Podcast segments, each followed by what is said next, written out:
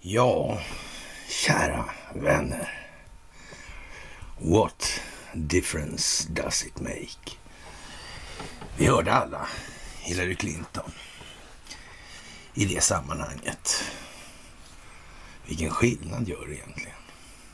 Men det kan man säga. Det gör en jävla skillnad beroende på vad det handlar om. Så är det. Och det drar ihop så ordentligt. Allra mest kanske i USA. Jag vet inte. Jag har nämnt det någon gång. Att någonting ska hända. En del saker har redan hänt, faktiskt. Ett lagförslag som Donald Trump undertecknade man lagar kraft 2018. Det kan användas för att straffa den tidigare presidenten om han visar sig ha misskött sin hantering av sekretessbelagd information efter att ha lämnat ämbetet. Det handlar naturligtvis om räden mot eh, Mar-a-Lago som Department of Justice och FBI låg bakom. FBI-agenter gjorde på måndagen alltså en razzia mot Trumps Mar-a-Lago Resort i Florida. Uppenbarligen som en del av en utredning om huruvida Trump felaktigt höll tag i eller höll kvar hemligstämplad materiel efter att han lämnade ämbetet. Trump undertecknade lagförslaget som gjorde ändringarna av Foreign Intelligence Surveillance Act till lag i januari 18 alltså. Mm. Ja, det uppgraderar allvarligt i att felaktigt flytta hemligstämplad material, omvandlade ja, från en mindre förseelse till ett grovt brott faktiskt och höjde det maximala straffet till fem år från ett år. Det är en rejäl höjning alltså. Mm. Media har noterat att det antogs efter Trumps attacker under presidentkampanjen 2016 på Hillary Clinton som undersökte om, ja, hon misskötte då sekretessbelagd information. Ja, det blev ju inte så mycket av det. Clinton åtalades aldrig i det här fallet, men nu är det ju Trump som är pressad enligt medierna. Trump har absolut eh, rättslig exponering för eh, sektion 1924 eftersom det var hemligstämplade dokument från hans ja, representation eller vad jag ska kalla det för, hans administration under honom då i Vita huset som flyttade till Mar-a-Lago enligt medierna alltså. Men han hade ju avklassificerat, men vi bortser från sådana detaljer. Ja. Och ja, som farmor brukade säga så är det ju liksom i, i sådana här situationer ofta så att det, ja, det går många fattiga barn på Londons gator därför att deras föräldrar inte spelade trumf i tid. Det handlar mer om bridge då, men det är ett strategispel alltså. Och, och, vi kan nog våga oss på en liten gissning i det här fallet alltså. Ja, kanske inte allt för vågad gissning till och med skulle vi nog kunna dra till med att trumfkortet spelas i precis rätt tid. Och alla andra kort också för den delen. Det är planerat. Det ligger en strategi till grund för allt som sker. Det här är jordens genom tiderna största folkbildningsprojekt och det baseras på en amerikansk stingoperation. Mina vänner, vi skriver den eh, 12 mm, augusti 2022 och det är fredag och på alla fredagar som traditionen bjuder. Ja, vi behåller förhandlings, eller vad säga, problemformuleringsinitiativet. Ja, vi förhandlar inte om det. Nej, det gör vi ju inte. Ja, och det är dags för, som alltid på fredagar, ett fredagsmys. Fantastiskt. Ja, det är helt otroligt att få göra det här tillsammans med er, det måste jag säga. Och ni ska som vanligt ha det största av tack. Och det här börjar nu sprida sig med dramatisk hastighet, det vi håller på med. Ja, den alternativa rörelsen i Sverige, den tystnar allt mer i det här ljuset av verkligheten. Man får vänta om det ska dyka upp galaktiska råd och ytterligare dimensioner. Det är bara så. Sen kan man ju för all del tillstå att det kan utgöras av, om vi kallar det för metaforiska beskrivningar av tillvaron. Men det är ändå som det är. Men ni ska alltså ha det största av tack för det ni gör. Så är det bara. Ett väldigt stort tack för går på Swish och Patreon. Ett enormt stort tack för att ni fördjupar er på karlnorberg.se och ni ser att det här är konstigt. Det är gamla grejer vi beskrev för länge, länge, länge sedan. Alltså. Och bilden som Johanna har gjort, ja, den säger väl det mesta. Ja, fantastiskt. Ja, och ni ska ha ett jättestort tack för att ni hakar på Telegramtjänsten. Och som vanligt att ni följer de här mera allmänt anpassade poddarna när det gäller folkbildning. Och så att säga rekommendera dem vidare. Det här är ju lite av spetsfunktionen som vi håller på med och vi tajmar det här med amerikaner och så vidare i olika sammanhang och försöker liksom få det här att bli en mer homogen rörelse, inte så stickig nu längre. Det behövs inte. Det behövs inte. Vi kan ta ut svängarna lite i och för sig och vi ska prata lite om Jens Christian Hauge idag också. Mm. Han den där med Israel och uh, den där Ben Gurion som ville ha kärnkraft och så, kärnvapen innan flera år innan Israel bildades, om vi ska vara riktigt eh, putslustiga, för så var det ju faktiskt. Snudd på lite komiskt det här skulle man kunna säga. Och FN där, ja. Ja, det är vad det är helt enkelt. Det är vad det är. Och många är ju väldigt brydda nu alltså. Många börjar må väldigt dåligt. De eh, egna känslogrunderna och värderingarna verkar nu har föga bäring på verkligheten helt enkelt. Vojne, vojne, det blir tomt. Det blir tomt. Det blir inte mycket glädje kvar. Det blir det faktiskt inte.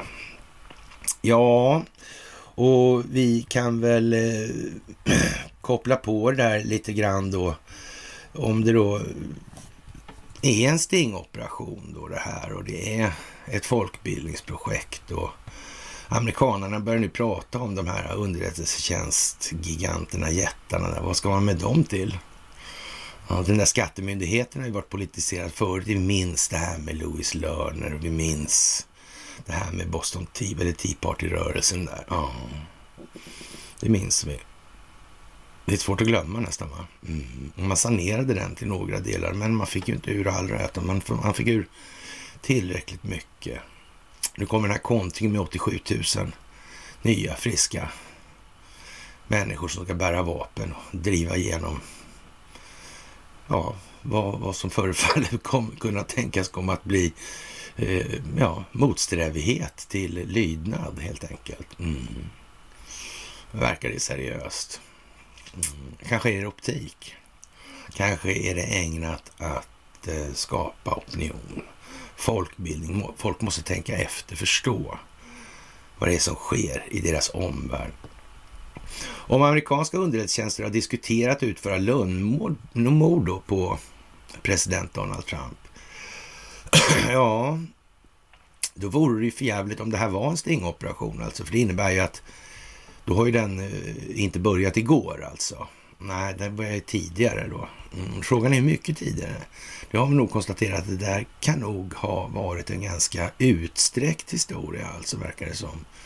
Ja, vi har hört ner på 90-talet, Tror de glömde kanske underrättelsetjänsterna fast de visste att underrättelsetjänstkollektivet var en del av den djupa staten. Och, och verksamheten går ju ut att koordinera sin verksamhet med andra länder för att åstadkomma effekter på den interna politiska marknaden så att säga. Mm. Ja, det är väldigt, väldigt märkligt det där alltså. Och hur är det egentligen med de här antifisarna då? Antifisarna alltså. Ja, det är någonting. Våg och gänget där i Tyskland.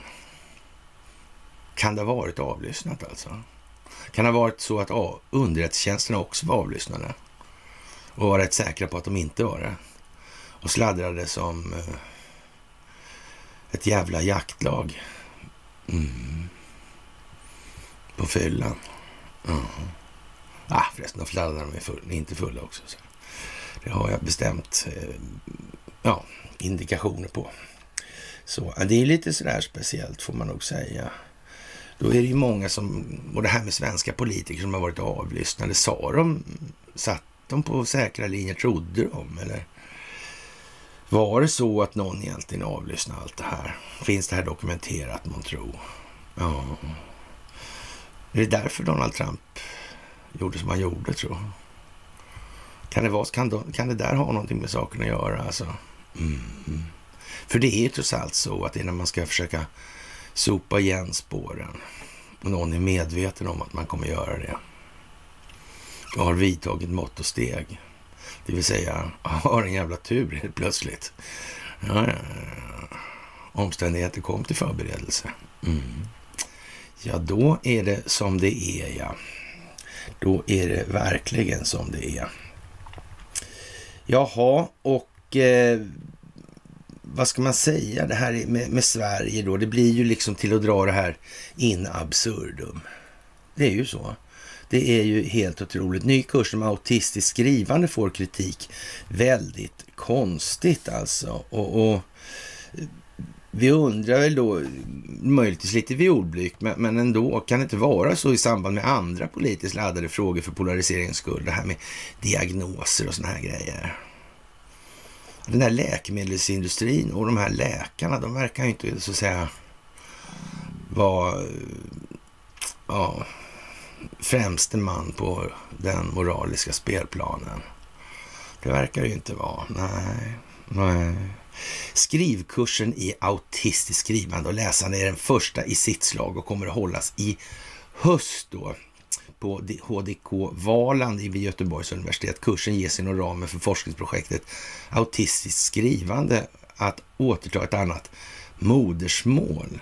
Kursen riktar in sig på till personer på autismspektrat. Vi introducerar också forskning om autism och autistiska kulturer, säger Elisabeth Hjort, kursansvarig och lektor i litterär gestaltning.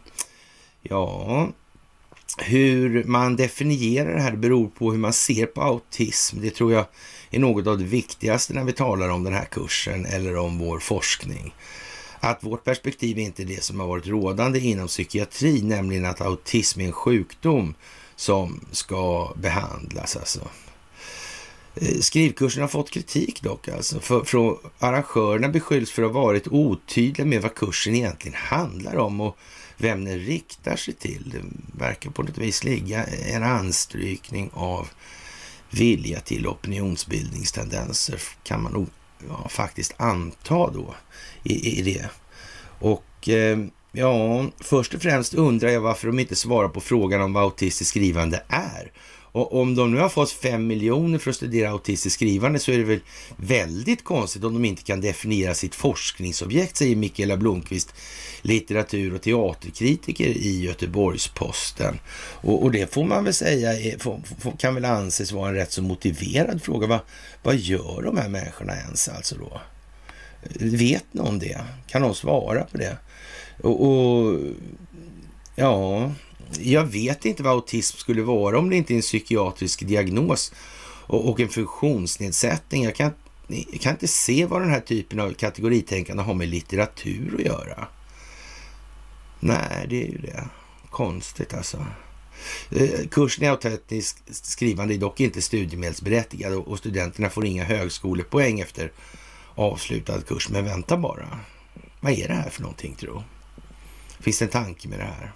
Det här också? Eller är det bara liksom saker som händer utan någon form av planering? Det finns inga liksom som har tänkt bortanför det man själv tänker vid första anblicken. Det finns det aldrig någonsin. Jag vet inte om det är så faktiskt vid det här laget. Jag tror det framgår att det verkar vara lite på det hållet i alla fall. Alltså. Ja, det, det där är ju liksom... Mm, det är som det är helt enkelt. Och det handlar ju om kommunikation människor emellan. Och en viktig fråga när det gäller kommunikation i dagens läge, det är ju telekominfrastrukturen och nu minskar Huaweis intäkter med 28 miljarder. Mm. Och jag undrar egentligen, men vad konstigt det här med olika standarder till exempel. Om det här borde vara en kommunikation, borde vara en eh, rätt så central grej för samhället alltså. Att tillse i fråga om att det ska råda demokratiska principer och lika tillgång och sådana här saker. Mm. Om det ska vara värt ens att föreställa någonting som har med lika människovärde och sånt att göra. Mm. Att varje liv ska vara lika mycket värt och så vidare. Mm. Ja, ja, det där är ju lite speciellt får man säga. Det blir nog bara en kvar vad det lider i telekomsammanhang. Va? Mm. Så är det. Det blir nog en universell standard då, eller global standard. Mm. Men frågan är liksom själva regin. Om inte varje land ska hålla sig inom ramen för sin, så att säga, ideologiska religion. ja, men så ungefär. Sin kultur i vart fall, kan vi säga då. Ja, men så borde det väl vara. Mm. Och då vore det väl tacknämligt om man så att säga kunde ta, göra det här i ett svep då. Och sen kanske man ska ha någon form av tillsynsorgan på det här av internationell karaktär. Kan det vara något? Mm. Och det här med telekom då i så fall, det är ju ganska bra. Det kan ju till och med ja, sättas ihop med, vad vet jag, det valutafinansiella systemet kanske. Och när det gäller clearingen till det här, då skulle man kunna tänka sig att de här smarta datorerna kanske skulle klara ut det bättre än vad ordförande för den tyska naturleveranskommittén på 1920 och 30-talet mm. kunde eller klarade av att hantera. Mm. Marcus Laurentius Wallenberg. Mm. Det är ju han förresten nu som sitter på de här telefonerna också. Fan, det är inte samma gubbe, men en Marcus i alla fall. Mm. Kan det vara så att någon har tänkt på det här? Kan någon ha planerat det här strategiskt? Kan någon till och med ha planerat det här tillsammans med några andra som upplever att de har likartade problem faktiskt och där den gemensamma nämnaren, den minsta gemensamma nämnaren, är ett svenskt telekombolag. Skulle det kunna vara så? Nej, jag vet ju inte alltså säkert, men, men, men jag kan säga att det ligger i farans riktning och det är nog en överhängande risk för att eh, ja, det här blir nog som det blir. Mm. Ja, vi får väl se hur det är. Och det här med svenska rollen i olika sammanhang, den är ju fantastisk alltså. Det är ju helt otroligt alltså. Och det var ju många år sedan det här inträffade nu. Man har då från norsk sida, jag hade missat det faktiskt i Världens Gang tror jag det, det här. Och eh, det handlar om den här, Aftenposten var det, eh, om den här Christian Hauge. Och det handlar om israelisk kärnkraft, israelisk kärnvapen. Mm. Till exempel. Det handlar om norska underrättelsetjänsten. Det, vad hette han den där som styrde Hauge som han påstod att han liksom eh, knappt visste vad han hette ens. Alltså. Mm. Han hette Hambro va? Det verkar vara ett namn som klingar bekant. Mm. Ja, just det. Det var en sån som dog här förleden. Det var en annan advokat, ja, advokat också. Ja, just det. Mm. Ja, ja, ja, ja. Och eh, man kan väl säga eh, det här med att Hauge förnekade att han hade haft hand med, eller kontakt med försvarets underrättelsetjänst och så vidare. Det, det visar sig alltså så att det här är rena lögner alltså, alltihopa. Ja, han har ljugit den här nationalidolen. Mm. Men det vart inte så mycket mer av det där. Man tog upp det som behövdes så att säga. Och så. Mm. Ja, ja, ja, ja. Hauge, ja. Han var mycket speciell. Den här med invasionen, hur var det där med den här invasionen? Egentligen, vilka visste om vad? Vilka spelar på vilken sida i Norge? För inte var det väl så att Norge var helt självständiga ändå utan djupa staten? Det tror jag inte på. Nej, så var det inte. det kokar ju ner till det i alla fall, hur man än vrider och vänder på det. blir alltid det kvar till sist.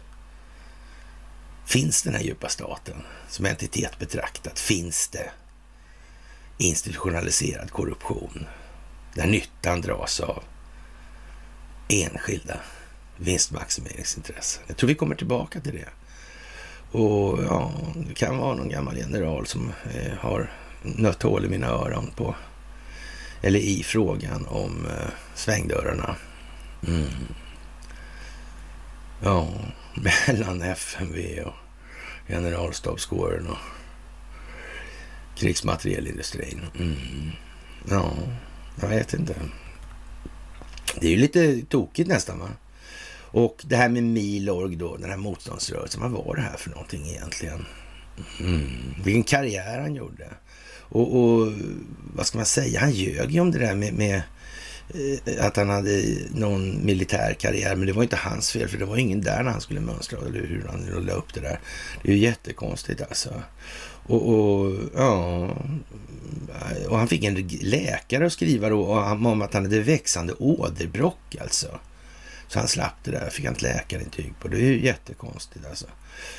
Ja, och, och, det här klarades ju ut redan 9 april efter kriget där och, och ja, som sagt, han ljög som en häst travade. Det där var ju konstigt alltså. Hänger det här ihop med något annat? Hänger ihop med något i Sverige? Varifrån? Han, han satt på telefon den här Hambro när han dirigerade Hagemar. va? Så var det. Just det, så var det. Just det. Mm. Han kanske kände till någonting med Christian Birkeland också. Han den där äh, med breven till Wallenberg. Kärnklyvningen. Mm. Norge har en, vad ska vi säga, marginell roll, men ack så viktig. Man har så att säga från, eh, nu ska jag inte säga svensk sida, men från särskilda intressens sida tycks man ha det säga, kategoriserat ut en del grejer som inte får komma i samröre med annat. För att hålla optiken skymd. Mm. Nu är det andra tider. Nu är det annan informationsrörlighet. Det är en annan transparens i och med detta. Det går inte längre Det är slut. Fantastiskt helt enkelt. och eh, ja, han var ju en riktig lögnhals alltså. Och det har norrmännen klarat ut. Fast det är väl inte så många som läste den där då. 15 eh, år sedan när jag var på tapeten. Och vad ska man säga egentligen? En, en riktig jävla gangster och ingenting annat. Och, och vi kan väl säga så här att eh, efter att, vi kan ta lite symptomatiskt kan vi säga så här, och han kände förmodligen ingen som hette Fallenberg, den här liraren alltså, men, men vi kan ta det här ändå då. Efter att ha förhandlat fram ett avtal mellan Raufoss ammunitionsfabrik och Volvo 5657 skrev Jens Christian Haug ett brev till dåvarande Volvochefen där han påpekar att det finns små och stora Volvo-ärenden. Och, och, jag glömde ett av de små skrev han och frågade om man gick att köpa en Volvo Amazon. Amazon, det är ju det här varumärket. Amazon-varumärket, alltså det där som han Bezos håller på med. Han som äger Washington Post bland annat. Och det var de som skrev om Donald Trump och det här, liksom han ligger så dåligt till och så. Ja, ja.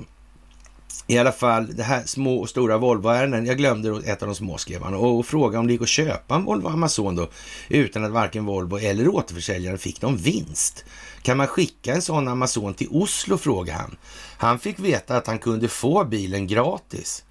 Ja, samtidigt föreslog dåvarande Volvo-direktören Gunnar Engelau ett moraliskt och skattemässigt tveksamt sätt att få ordning på det här.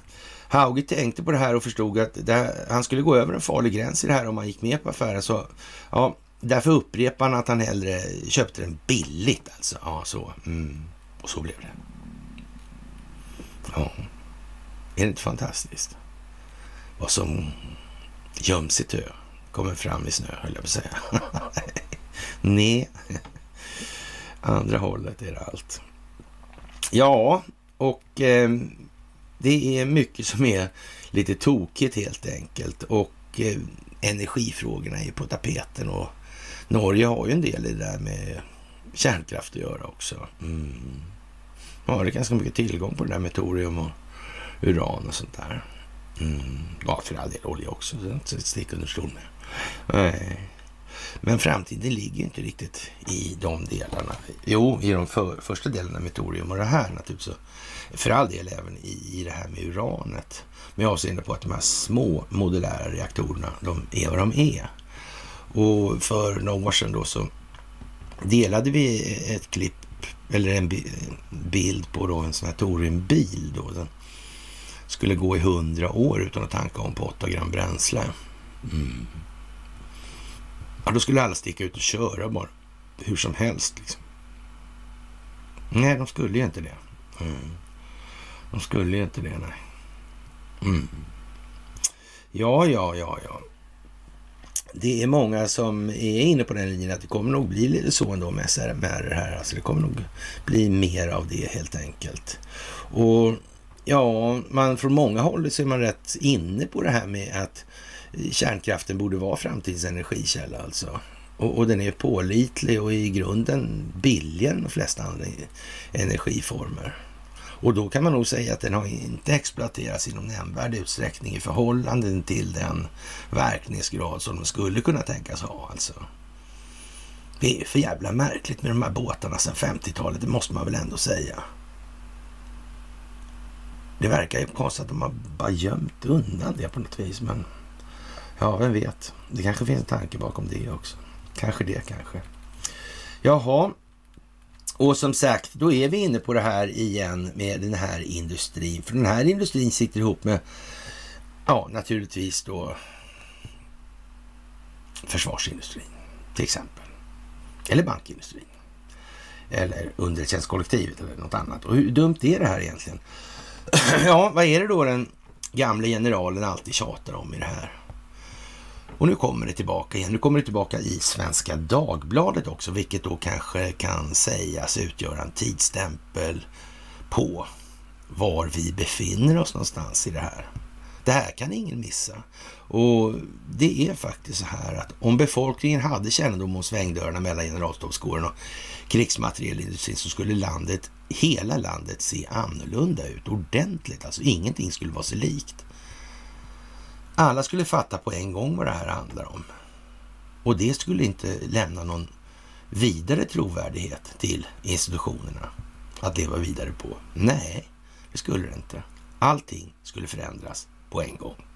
Så med Rysslands krig i Ukraina och svensk NATO-medlemskap har hela spelplanen kastats om för den svenska militären. I Karlskrona är jobbet i full gång med att bygga nya ubåtar, men marinchefen Eva Skog Hasslum tycker att det går för sakta. Svenska marinchefen är frustrerad över det här alltså. Säkerheten har sedan ett par år skärpts betydligt utanför Musköbas och Stockholms södra skärgård. Och Eh, en direkt följd av, eh, av att ledningen för marinen flyttar hit och inte minst av det allt mer spända läget i världen alltså. Väl innanför grindarna gör marinchefen Eva Skog Hasslund klart att det här det handlar om betydligt fler förändringar än så, både för marinen och för resten av det svenska försvaret.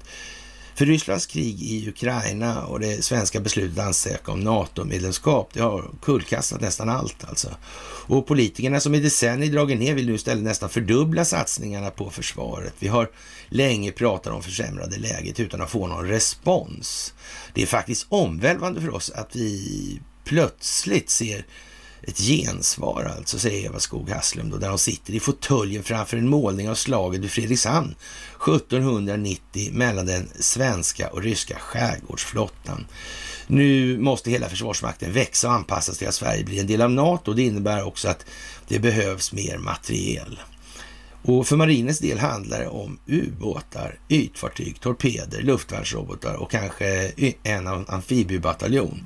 Ja, önskelistan blir rätt lång och enligt Eva Skog Haslund behöver takten också skruvas upp betydligt.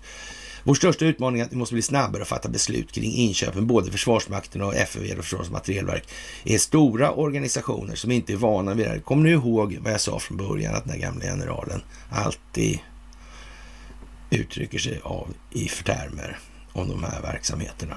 Minns det, för det kommer att komma upp. Tro mig. Ja, samtidigt som Eva Skog Hasslem säger, eh, säger det lyckas hon låta både entusiastisk och missnöjd på samma gång. Jag är frustrerad över och sagt att vi borde kunna vara snabbare. Och så börjar hon prata om hur marinen tillsammans med FMV som sköter inköpen av materiel till svenska försvaret och Saab, hör och häpnad alltså, tar man upp här då. Och Saab som tillverkar allt från ubåtar till stridsflygplan försöker ändra arbetssätt alltså. Jaha, mm. se där ja. Mm. Ja, det är ju det där alltså. Hur går fan är det med enskilda vinstmaximeringsintressens främsta syfte i förhållande till det allmänna? Blir det inte en konflikt förr eller senare? Är inte det nödvändigt? Förr eller senare så måste ju den, det enskilda vinstmaximeringsintresset faktiskt prioritera sig själva. Annars är det ju inte något sånt. Det här med en stilla eller stillsam patriotism som PM Nilsson i Dagens Industri uttryckte saken gällande familjen Wallenbergs syn på det här. ja, det är, de är ju kända för det alltså. Sanna altruister alltså. Den svenska befolkningen, alltså människor i gemen. De, de alltså, vad ska man säga, de tycker liksom, det verkar vara jävla hyvens typer. Och, och har man läst en enda tidning någon enda gång de senaste tio åren så har man i alla fall sett att de här sammanhangen som de figurerar i, det är ju liksom inte ja, veckans korgosse liksom. Nej, det är ju inte det. Det verkar inte vara det alltså. Det är alla möjliga konstiga grejer deras bolag blir inblandade i, men de har i alla fall den fantastiska gemensamma nämnaren i så mått då att eh, de blir faktiskt inte fällda. Nej, nej. Och Telia är kontrollerat av Ericsson. Någon har patenten. Punkt slut. Så är det bara. Ja, framöver ska de jobba tätare och mer parallellt och en bit söderut längs Östersjökusten håller en del av det nya på att ta form. Från Eva Skog Hasslums högkvarter på Muskö tar det närmare sju timmar att köra till Karlskrona. Marinens Visbykorvetter klarar sträckan på åtta timmar.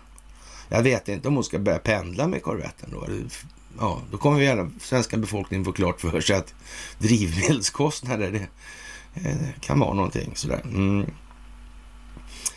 Där nere, eller här nere står det, har flottan sin marinbas som man räknar, som man, och räknar man in alla som jobbar för Försvarsmakten handlar det om 1900 personer. Vägg i vägg med marinbasen ligger också Saab-ägda Kockums. Jaha, och, och det är här mycket av det Eva Skog Hasslum önskar sig kommer till ja, kommer till. I snart 350 år har man här tagit fram fartyg till marinen och då kan vi säga så här, det finns det någonting mycket unikt alltså. Det är på Karlskronavarvet alltså, KKB. Det finns mycket unikt där. Det, eh, finns det världens mest sällsynta ämne. Eh, faktiskt. Det, är, det har Nobelstiftelsen sagt alltså. Och så, de är helt opartiska. Mm. Och, och, det här det har de nog kanske sagt, men de har kanske sagt det på fikarummet, inte uppe. Har de inte sagt. Nej, och där finns det nämligen någonting som heter Pillemausersvitt. Mm. Och det är världens ovanligaste ämne. Och, och, ja, men det är klart att det har tagit 350 år. De har, ja, det finns sägner om att det fanns folk som bar på en planka, samma planka, under hela sin yrkesverksamma karriär. Och varvsarbetarna på Karlskronavarvet, de kallas för pillemausare. Mm. Ja, det är fantastiskt helt enkelt.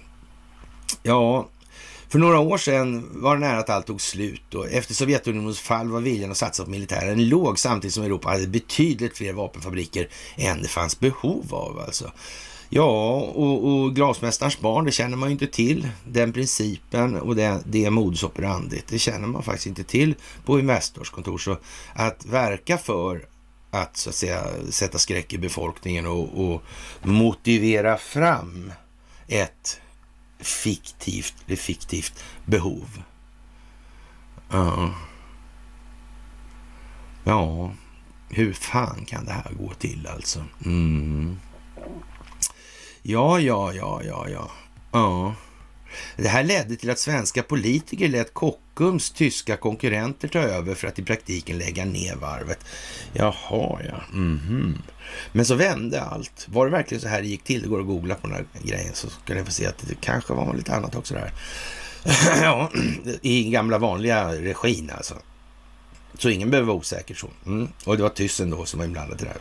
Tyssen, och, och det här med Tyssen och, och Krupp och vi ska inte tala om Boforsgrupp och nu ska vi vara snälla och så vidare. Karl Gerhard, han, han tog det bara ur luften, det fanns ingenting. Alltså den som inte får ihop de här ekvationerna snart, han, ja, jag vet inte vad vi ska göra alltså helt enkelt. Vi får rita huvudfotingar helt enkelt, ja det får vi göra. Mm. Sen får vi ta lite bullbakning. Jaha. Vad var så här bullfest, bullfest hela dagen var Sigge Fürst, var det inte så? Det var en hyllningssång till svenska folksjälens resning, moraliska spänst, intellektuella höjd kanske. Vad vet jag? Vad vet jag alltså? Ja, men så vände allting då helt plötsligt då Rysslands krig mot Georgien och invasionen av Krim gjorde att det säkerhetspolitiska läget försämrades och plötsligt ville regeringen ha kvar kompetensen att bygga ubåtar i Sverige. Sedan blev det dramatiskt värre och då kommer det här jag pratade om tidigare. Man kan googla det här lite grann så får ni se att det här var ju väldigt speciellt. Eh, de tyska ägarna var inte så pigga på att låta Sverige ta över igen och då svarade FN med FMV, alltså mm, ja, med att ta militären till hjälp för att lägga beslag på alla hemligheter om de svenska ubåten. Det var liksom en gryningsräd där liksom. Mm. Men vänta, var det inte Saab som var i fingrarna på det här. Alltså, det var ju skitkonstigt alltså. Vadå? Men då sprang de... Försvaret, sprang de Saabs ärenden eller hur fan? Jag vet inte. Ja, det var ju konstigt alltså. Efter, den, efter det var striden över och varvet i Karlskrona ihop med Kockums utvecklingsavdelning i Malmö hamnade hos försvars industriföretaget Saab. Alltså det är ju fan konstigt. Alltså, som grädde på moset fick Saab sedan en stor beställning på två nya ubåtar i den svenska marinen. Det är ju helt otroligt det här alltså. Vilken affärsverksamhet, men glasmästarens barn verkar ganska småskaligt i sammanhanget ändå, är det inte så? Det här verkar ju liksom, det här verkar ha högre verklighetsgrad på insatsen, det måste man ju säga. Det var inte några sketna glasrutor och sådär. Det gick, var, var väl några sådana också i och för sig, men vad fan då. Jaha, och numera är det inte mycket som är likt från den tiden då när allt skulle läggas ner. Då. Alldeles intill Baninbasen där första ubåtsflottiljen håller till har Saab Kockums till exempel byggt ett nytt huvudkontor, men framförallt är det rejält omgjort inne på varvet. De går inte med plankor längre, de åker truck istället gissar jag på. Vi har egentligen bytt allt. Det här det har i praktiken blivit ett helt nytt varv på insidan av det gamla, säger Douglas Jonasson, projektledare på Saabs Kockums, medan vi går förbi de stora stålplåtarna som ligger utlagda i varvets första hall. Plåtarna har kommit från stålföretaget SSAB och är gjorda av en speciell typ av stål framtaget för att passa just de här två nya ubåtarna som håller på att byggas här. Men vad som är speciellt med blandningen är alltså hemligt och så är det nästan helt genomgående, nästan alltid hemligt. Eller snarare sagt väldigt hemligt. När vi går runt i varvet så är det bara Saab Kockums egen fotograf som tar bilder och, och det ska ändå säkerhetsgranskas efteråt och rensas från känsliga detaljer. Alla avbildningar som kan ge uppfattning om hur mycket en stryk en ubåt tål Ja, de är förstås helt otänkbara. Alltså. Och hemligast av allt verkar propellen vara. Alltså det är kavitationen som är frågan om formen. Man lyssnar av dem där och så har man identitet på ubåten i fråga. Propeller räcker att se dem nästan. Alltså. Då kan en dator eller säga, köra fram det där. Propellerljuden riskerar att avslöja ubåten och en fiende kan räkna ut allt för mycket bara av att se propellerns utformning. Om ni tittar på sjösättningar av amerikanska ubåtar till exempel så är alltid propellern täckt alltså av den anledningen. Och Eh, jag är chef här och inte ens jag har fått se propellen, säger Lars Tossman. Han är chef för Saabs affärsområde Kockums. Och det enda han egentligen berättar är att propellen utvecklas av bolaget och tillverkas ihop med andra. Hemlighetsmakeriet är nog inte så mycket att förundra sig över. Alltså ubåtarnas viktiga egenskap, viktigaste egenskap är så svåra att upptäcka.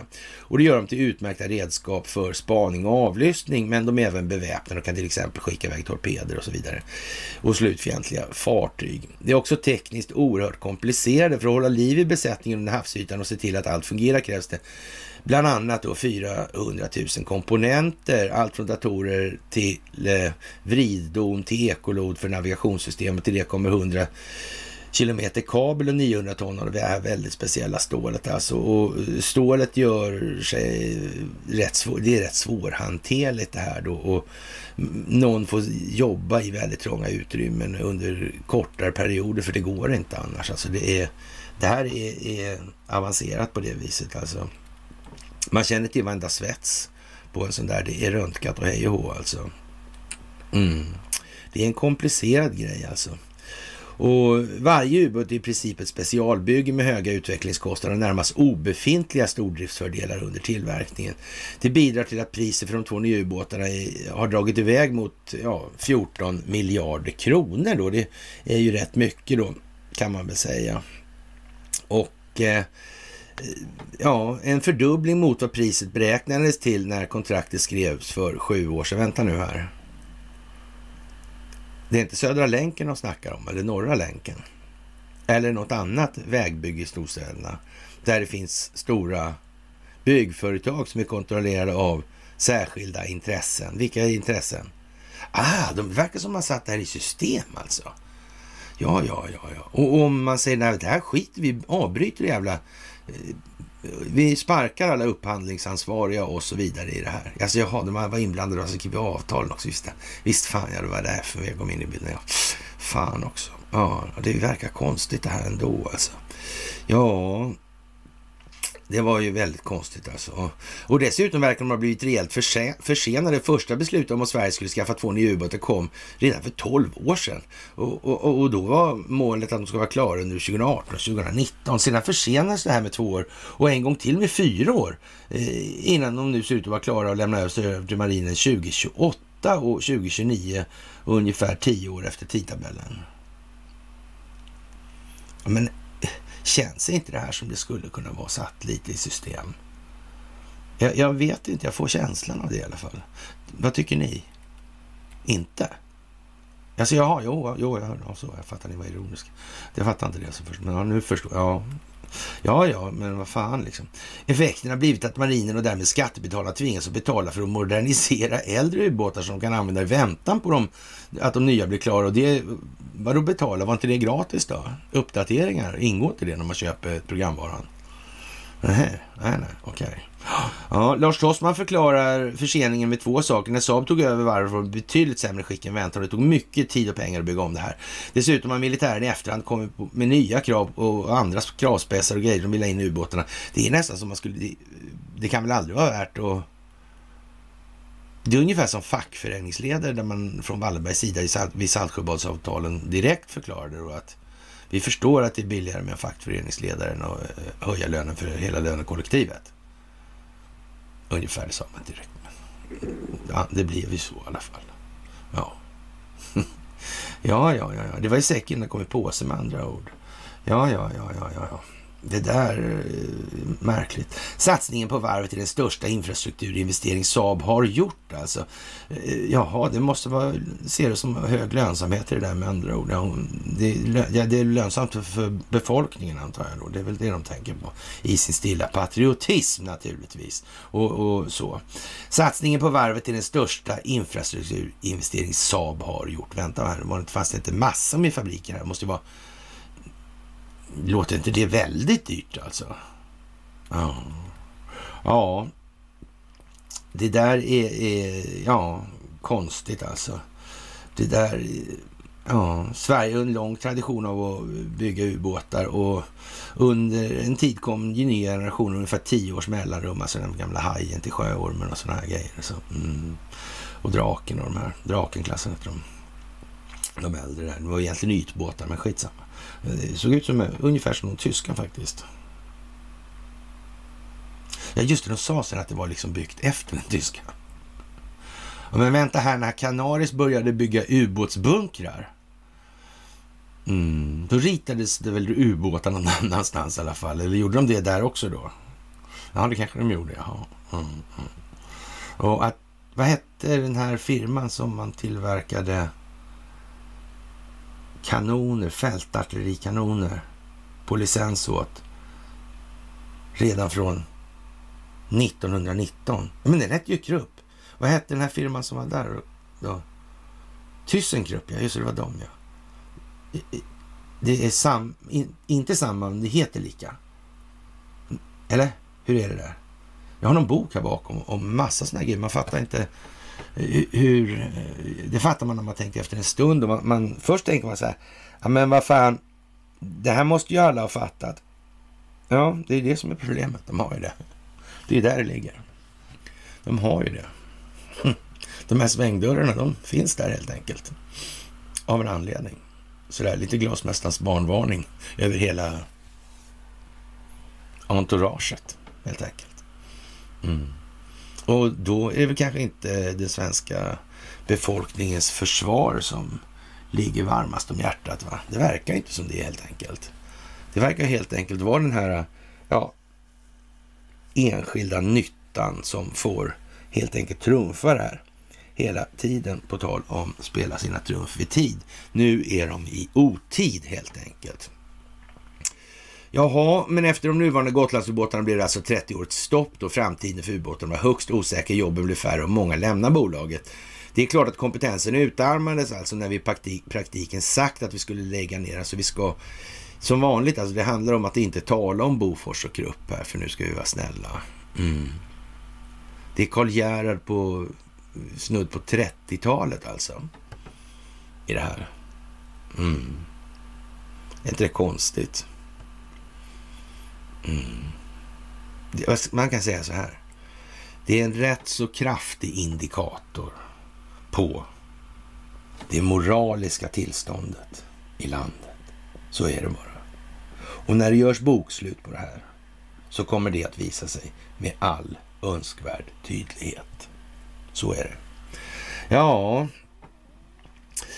jaha, och Eh, det är klart att man fick jobba på kompetensen som utmärkades när vi i praktiken sagt att vi skulle lägga ner, säger Lars Tossmars. Även vi på FNV har fått jobba med återta kompetens som vi tappad, tappat, fyller Veronica Watts i. Att både varvet och köparen eh, FNV påverkas på samma sätt är i sig också ett tecken på något annat. Eh, ja, försvarsindustrins väldigt täta band med stat och militär. Ja, är inte det konstigt alltså? Det band marinchefen Eva Skog Hasslum nu vill eh, ska bli ännu tätare. Ja, men är det inte konstigt det här? Alltså, vad är, är Svenska Dagbladet inne på någonting här? Vill de väcka en tanke? Sitter jag här som nians byfåne liksom och gör det här övertydligt för ingen ska bara hoppa över det här och faktiskt ska förstå hur det är? Det skulle man kunna säga. Men i min fromhet har jag som vanligt förutsatt att alla människor förstår jättemycket mer än vad de engagerar sig i att göra. Ja, det är väl det kanske som är prylen. För det, är inget som, det här är ju inte särskilt svårt. Alltså, det beror ju på någonting annat än så att säga, förmågan att följa logiska argument till saklig grund. Alltså det, det, är inte där det brister, det är något annat. Alltså det är själva ambitionen som är lite klen, den är lite svag emellan varven. Så. Och det gäller ju att så att säga peppa upp det hela tiden. Det är det som är modellen och det är det vi gör i den här folkbildningen. Ja, Eh, ja, så som man säger, här finns på ena sidan Försvarsmakten som ska använda utrustningen och FMV som står för inköp, men på andra sidan står börsnoterade Saab eh, som svarar för utveckling och produktion. Alla arbetar de i små specialiserade nischer där det är få som sitter på den verkliga kompetensen. Det leder till att samma personer ofta går fram och tillbaka mellan de militära delarna och industrin. Jag vet inte. Eh, ja, han blev väldigt sannspådd den gamle generalen. Jag hoppas han läser den här artikeln i Svenska Dagbladet. Det gör han alldeles säkert. Och det glädjer mig otroligt att se att det gick så här i den saken. Nu kan jag säga att eh, det här har inte anförts bara vid något köksbord sådär, utan det har ju i andra sammanhang har man ju påtalat att det här är ju kanske inte direkt lämpligt då sådär. Ja, men eh, nu är det som det är och nu är katten ute ur lådan. Och den har vuxit till så det gick för fort helt enkelt. En, en svensk tiger inte i den meningen längre alltså. Ja, det, det är ju lite speciellt alltså. Och vi har ett otroligt nära samarbete som en försvarsfamilj, säger Veronica Watts och berättar exempelvis om hur tidigare, tidigare fartygschefer anställda av marinen nu jobbar på FMV och styr hur de nya ubåtarna ska utformas. Andra tidigare militärer jobbar på Saab med att utveckla ubåtarna. Vi behöver väl inte säga att eh, skarpsynta människor ser väl hur svenska flottans reservofficers förening SFO, eh, SFROF alltså. Mm. står här någonstans bakom mig. Mm. Undrar om det finns någon som heter Wallenberg med i den där. Mm, jag undrar det. Ja, ja, det ser man ja. Mm. Hur undrar det där kommit sig? Ja, om någon undrar varför det går så där med militären då, och man kanske ibland uppfattar mig som något respektlöst, så har jag väl kanske sett en del exempel på som i alla fall inte är moraliskt imponerande, det kan man inte påstå. Det går väl på väldigt nära håll, så ska jag tillägga. Och eh, ja, det väcker förstås också frågan om hur FMV som både ska köpa in bra materiel till militären och värna om skattebetalarnas pengar klarar att hålla emot industrin alltså. Oron finns ju för att kostnaderna drar iväg när säljaren köpare, eller säljare och köpare är så beroende av varandra. Eh, jag, jag ser inte att, det fin, inte att det finns någon sån risk. Vi har ju kontrakt och, och det handlar ju handlar mest om att få rätt produkt i slut slutändan, säger Veronica Watts då. Eh, Veronica Watts, projektledare för A26-ubåtarna, alltså på FMV, är ofta på varvet för att se hur bygget av ubåtarna går. Under tiden fortsätter de två ubåtarna växa fram i det verkliga livet ute på varvet eh, nu vet inte jag, liksom, det är inte det där lite fräckt skrivet alltså? Under tiden fortsätter de nya ubåtarna växa fram i verkliga livet. Okej, okay. inte det livet som fröken, fru eller tant eller vad hon är. Eh, det Watts i alla fall ja, hon, hon, lever i en annan tillvaro som kanske inte har så mycket med de här uh, ja, äh, verkliga livet att göra då. Sådär. Mm. Och eh, ja, därefter går delarna från hall till hall efterhand som stålet böjs, svetsas och efterhand formas till ett ubåtsskrov. Och där i den sista hallen, där stora luckor på ena kortsidan så småningom ska öppnas för att låta ubåten glida direkt ner i havet. Ja, det finns de allra första delarna redan på plats. Alltså. Det ligger där de ska vara tills ubåten sätts i vattnet, säger Douglas Johansson. Jonasson, samtidigt som vi än en gång får höra att eh, i, inga känsliga detaljer av ubåten får synas på någon bild. Och i den här artikeln så har jag tagit bort en massa namn då. då Eh, Eh, som de tar upp i Svenska Dagbladet och det verkar ju närmast imbecilt alltså. Jag menar de här informationerna, de kommer ju inte flygande ut av sig själv alltså. Men här har man då i, den här, och dessutom är det tråkigt att läsa upp det för er, men därför tar jag upp det nu. Alltså att, att sätta ut namn och, och bild på de här människorna. Känns inte det lite som att man fiskar lite efter att man ska, de här människorna ska bli igenkända. Ja, sådär.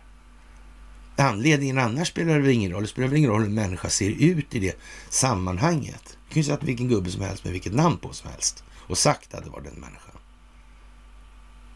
I så fall. Men är inte det lite lattjo? I sådana här hemliga sammanhang.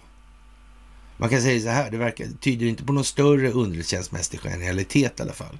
Det kan vi säga. Och med avseende på summorna det här handlar om så vet jag inte om det här är... är ja, ska man lita på den här typen av... Ja, det ska man naturligtvis inte. Ja, ja, ja, ja, ja. Och eh, ja, nu är det fortfarande flera år innan ubåtarna är klara då, men högst upp i Saab Kockums nybyggda kontor i Karlskrona sitter redan Lars Dossman och tänker på nästa steg alltså.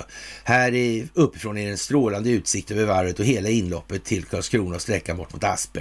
Han sitter med ett upprustat varv, men också med ett affärsområde som behöver öka lönsamheten och förhoppningsvis kretsar bland annat kring att sälja ubåtar till andra länder alltså. Och man spekulerar om inte Nederländerna ska, Nederländerna ska köpa lite och kanske, ja, Saab Kockums är i farten där nu, men ja, det, det, får vi se då om två, tre år säger man sådär. Och mm, vi kan väl dra en liten gissning på att det här med svenska försvaret och den här verksamheten, det är nog lite av ett spel för galleriet inom ramen för den här Stingoperationsbaserade folkbildningen. Alltså folk ska förstå vad det här är för någonting. Det här är ju liksom ingen seriös verksamhet för ett enda öre någonstans. Det finns ju de till och med som handlar, kallar det för socialbidrag till familjen Wallenberg. Och, och det kanske är lite dramatiskt och, och, så, även om det i princip det handlar om. Alltså, samhället bidrar i den meningen. Ja, ett annat hopp är naturligtvis Kanada då, eller Five Eyes är ju alltid det. Australien har ju redan köpt alltså. Men eh, ett annat hopp är Kanada och som drar en upphandling av ubåtar hos Australien förstås då. Och, och de har överraskande gjort en tvärvändning och vill ha, nu har stora atomdrivna ubåtar istället. Ja, ja, sånt gör inte Kockums, men beslutet att gå mot atomdrift gör att de nya ubåtarna dröjer såklart. Då kan man tjäna en hacka på uppdateringarna, för det var som sagt inte som när man köpte programvaran, att uppdateringarna följde med i någon stor utsträckning i alla fall. Beskedet är rätt tydligt. Ja, Eh, Saab tillverkar ubåtar enbart för att svenska riksdagspolitiker bestämt att vi av säkerhetspolitiska skäl behöver ha en egen ubåtsproduktion. Som Saab-chefen ser det så får vi då också betala för det. Alternativet vore att köpa till exempel från Tyskland eller Frankrike eller strunta i ubåtar som Finland och Danmark gör.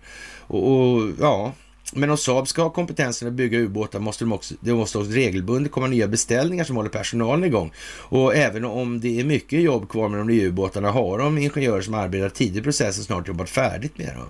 På teknikområdet måste vi få nya utvecklingsuppdrag för att hålla kompetensen uppe. Och det krävs beslut rätt snart alltså. Och då får ju de här människorna som kallar det här för någon form av jävla social verksamhet. Ja, för, men, men, men frågan är om krig och elände ska vara motivationen till det här socialbidragsgivandet. Nej, jag är inte säker på det. Men skulle ge fan i att hålla på med den här skräckporren, skrämselpropagandan hela tiden. Det kunde ju ge vissa utvecklingseffekter som förmodligen väldigt många människor skulle uppfatta som, ja, om inte halvhyfsat bra så, så ja, i alla fall acceptabla. Det tror jag. Mm. Jaha, frågan är hur många ubåtar som behövs framöver och Sverige har nu fyra ubåtar. Om några år kommer två nya i Blekingklass samtidigt som den äldsta ubåten Södermanland fasas ur då. Och eh, ja, Tidigare utredningar pekar på att det kan behövas ytterligare två nya ubåtar, men det var långt innan Ryssland drog igång krigen mot Ukraina och Sverige ansökte om medlemskap i NATO. Men se där, se där, ja. Men det finns också stort behov av andra nya ytfartyg alltså.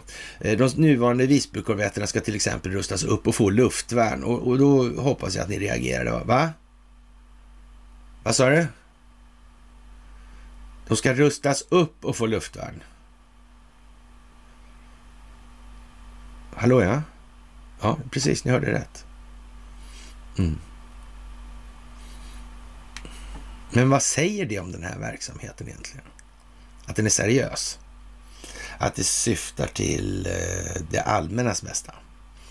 Att det handlar om strategisk och taktisk militär förmåga? Eller handlar det om enskilda vinstmaximeringsintressen? Vilket kan det vara här nu egentligen? Mm. Vi är nere på nivån där man nästan säljer båtar utan motor.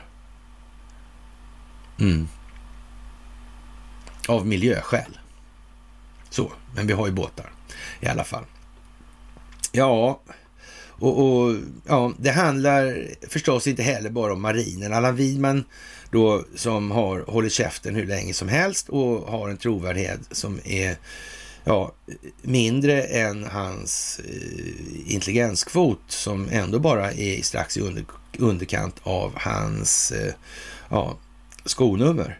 Och han har hållit på i en evighet i det här och, och, och, som ordförande i riksdagens försvarsutskott och så vidare. Han betonar att nu, när försvaret nu får betydligt mer pengar och ska anpassas till NATO-medlemskapet, då, då är andra områden mer prioriterade.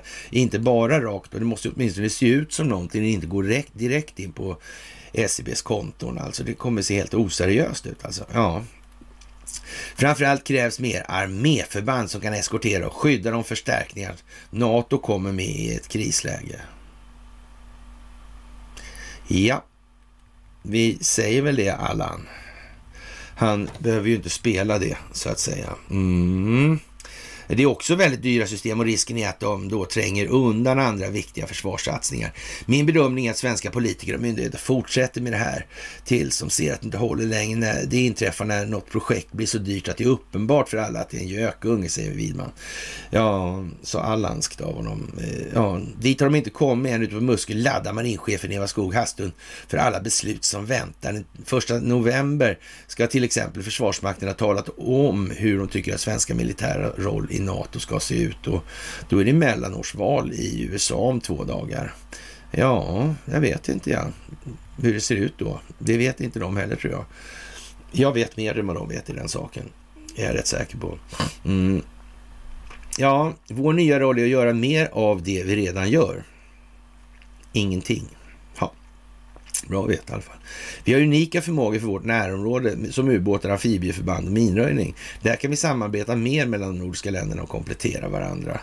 Och ja, det är jättespeciellt alltså. Och de två nya ubåtarna som är på gång i Karlskrona verkar också spela en extra viktig roll för, för marinen framöver. De får till exempel bättre förmåga till kommunikation under vatten och kan samarbeta mer med ytfartygen alltså. Och det här är ju speciellt alltså. De ska kunna ha både luftvärn och markmålsrobotar som når långt alltså. Det är inte 1950 år gumman. Det är ju inte det alltså. Hur kommer det sig att man har glömt det här? Är inte det lite... Hur var det med den där jävla Göta Lejon förresten? Vad, vad användes hon till? Hjälpte inte hon till vid någon... Ja, sån där som djupa staten håller på Jo, någon revolution va, var det. Så var det. Så var det, ja. ja. ja det, det, var ungefär som när Iowa var, låg utanför Beirut, va? Var det inte så? Jag tror det. Och det bara regnade in granater på mellan 1500 kilo och två ton. Ja. Det var ju rejäla grejer som kom. Mm. Det är inte så lätt att vara uppkäftig då. Ja, ja, ja, ja, ja. Man, man, man, kan väl säga så här, ubåtarna betyder oerhört mycket. Bara att vi har ubåtar gör att en motståndare aldrig kan känna sig säker. Nej, just det, nej. nej. Mm. Och, och, även, ja, nu har vi bara två då, men, men två byggs om, men ändå alltså. Mm. Precis, alltså det tar hela och, och, vad som backar upp det här sen då och man sätter in, det är ju fantastiskt alltså. Vi har unika förhållanden i Östersjön och det är därför våra ubåtar också är unika. Det är inte lätt för något annat land att förstå det här området. Nej, och det kanske försvarsindustrin är väldigt tacksam för skulle jag vilja påstå. Mm. Visst, absolut. Det är jätteknöligt att jaga ubåt i Östersjön. Alltså. Det är massor med jävla småöar kring Stockholm. Mm. Och det är temperaturskiktningar och vad ska man säga, ett hydrofoniskt klimat som liknar apskit alltså. I och med de här skiktningarna till exempel. Ja, ja. Eh, fast det går ju inte att komma undan ifrån då att ubåtarna är rätt dyra. I princip handlar det om 7 miljarder kronor styck alltså. Ja, det är mycket pengar, men man måste också se till vad vi får och vad det skulle kosta om vi köpte från utlandet. Det skulle bli väsentligt mycket dyrare, säger Eva Skog Hasslum. Och ja... Mm. Det är ju som det är det här alltså. Vi måste ha en privat försvarsindustri alltså. Sen måste hon avsluta intervjutiden ute och parkeringsplats ute på sommaren. Muskelbasen väntar där väntar Lars Tossman i spetsen för delegation från Saab Kockums och FMV. Det blir en rätt tydlig bild av hur nära banden är mellan stat och näringsliv på försvarsområdet eller kanske snarare hur eh, flytande gränserna är. Eh, för strax innan har Eva Skog Hasslum också pratat om hur stor nytta försvaret har av att kunna utveckla nya produkter ihop med inhemsk industri. Men det stannar inte där. Vi har mycket kontakter med Saab och den större delen av vårt underhåll ligger hos dem. Vid en krigssituation med hög, höjd beredskap är det väldigt viktigt att ha en egen industri som kan serva oss. Ja, men den ska naturligtvis vara enskilt kontrollerad och vinstmaximerande. Det är, inte, det är inget problem med det. Det är ungefär som att ha banksystemet kan man säga. Och om det dessutom är samma ledande parter och intressen inom de här sfärerna, då är det illavarslande. Hur fan går det med försvaret egentligen? Vem kontrollerar vad här? Mm. Vem kontrollerar vad här? Ja, det är ju lite eljest skulle man väl kunna säga faktiskt. Det, det, det är väl inte så mycket att be för egentligen. Och, och ja, vi har väl en del att ta tag i i så mått. Alltså det här sitter ju naturligtvis intimt kopplat till det här med den här Jens Christian Hauge och så vidare. Och ja, den här Volvo-bilen. Alltså, kom igen nu alltså. Det, det, här är inte långa hopp. Det är samma gubbar alltså. Det är samma bolag hela tiden. Det är samma intressen. Vi kan följa det bakifrån Eh, när Fred Flinta och, och Barney var i stenbrottet och jobbade till nu ungefär. Och säga vilka gubbar som gjorde vad där. Mm. Vi kan förklara det i sak. Vi kan leda det i argument. Vi kan skapa en logisk kedja. Mm. Men det duger inte för alla. Det måste vara Kasarmaffian. ja, ja, ja, ja, ja, ja, ja, ja. Ja, och eh, USAs nya chiplag kommer att undergräva globala leveranskedjor och eh, den nya Chips and Science Act som antagits av USA för att stödja de lokala tillverkarna av halvledare kommer att störa globala leveranskedjor och hämma internationell handel, vilket Kina starkt emotsätter sig, sa den kinesiska utrikesministeriets talesman Wang Wenbin på onsdagen. Och, och, ja, USA uppger att lagen syftar till att öka konkurrenskraften för amerikansk teknik och halvledarproduktion. Men denna lag ger enorma eh, subventioner till amerikanska företag som tillverkar chips och introducerar en differentierad policy för industristäder. Då, då. Mm. Jag vet inte. Vad kan det vara det egentliga syftet? Kan det ha att göra med den djupa staten, tro? Kan det vara det? Det är ju ett problem när krigsmaterielindustrin sitter sådär intimt sammanknippad med statsförvaltningen. Det blir ju problem alltså. Det blir korruption.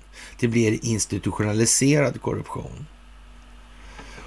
Och helt jävla säkert, och det är hugget i sten, så kommer vi att få se prov på mer korruption än vad vi kunde föreställa oss i vår vildaste fantasi i den tid som nu kommer och som ligger framför oss. Det finns ingenting att diskutera i så motto. Det är vad som ska upp till ytan. Och Sverige har alltså inte varit något moraliskt föredöme. Och det är därför vi är en humanitär stormakt. Det globala samvetet och allt det här. När det i själva verket är, ja, det är flickan med draktatueringen. Mm. Det är vad Sverige är. Det är Sveriges moral. Ja, ja. Så det finns goda utrymmen till förbättringar helt enkelt. Det kan vi i alla fall vara glada för.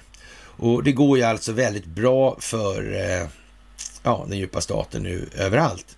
Och valsäkerheten är nästan obefintlig. Systemen och processerna som finns är som en schweizerost. Ja, Eh, Pro VMV certifierar röstningsmaskiner över hela landet men gör inget bra jobb. De har inte resurser till det. Var de än gick fick de fullvärdigt motstånd när de ville titta på röstningssystemen. Riksbegränsande revisioner är en fasad på, de, på det sätt det görs. Lösenordet för tillgång till röstsystemet i Michigan, New Mexico var 1, 2, 3, 4, 5, 6. Och du kan komma åt alla administrativa menyer. Du kan gå in dagar efter ett val och lägga till röstsedlar, justera tiden och skriva ut. Denna förmåga bör inte finnas i systemet givetvis. Microsoft SQL programvara hittades i Michigan, New Mexico och Arizona. Det behöver inte finnas där. Den kan nås utan lösenord och du har nycklar till kungariket. Eh, du kan vad du vill med data och ändra vad du vill med SQL. Ja, transparens måste finnas där allt registreras. Den enda platsen röstsedlar kan associeras med väljare är vid vallokalen.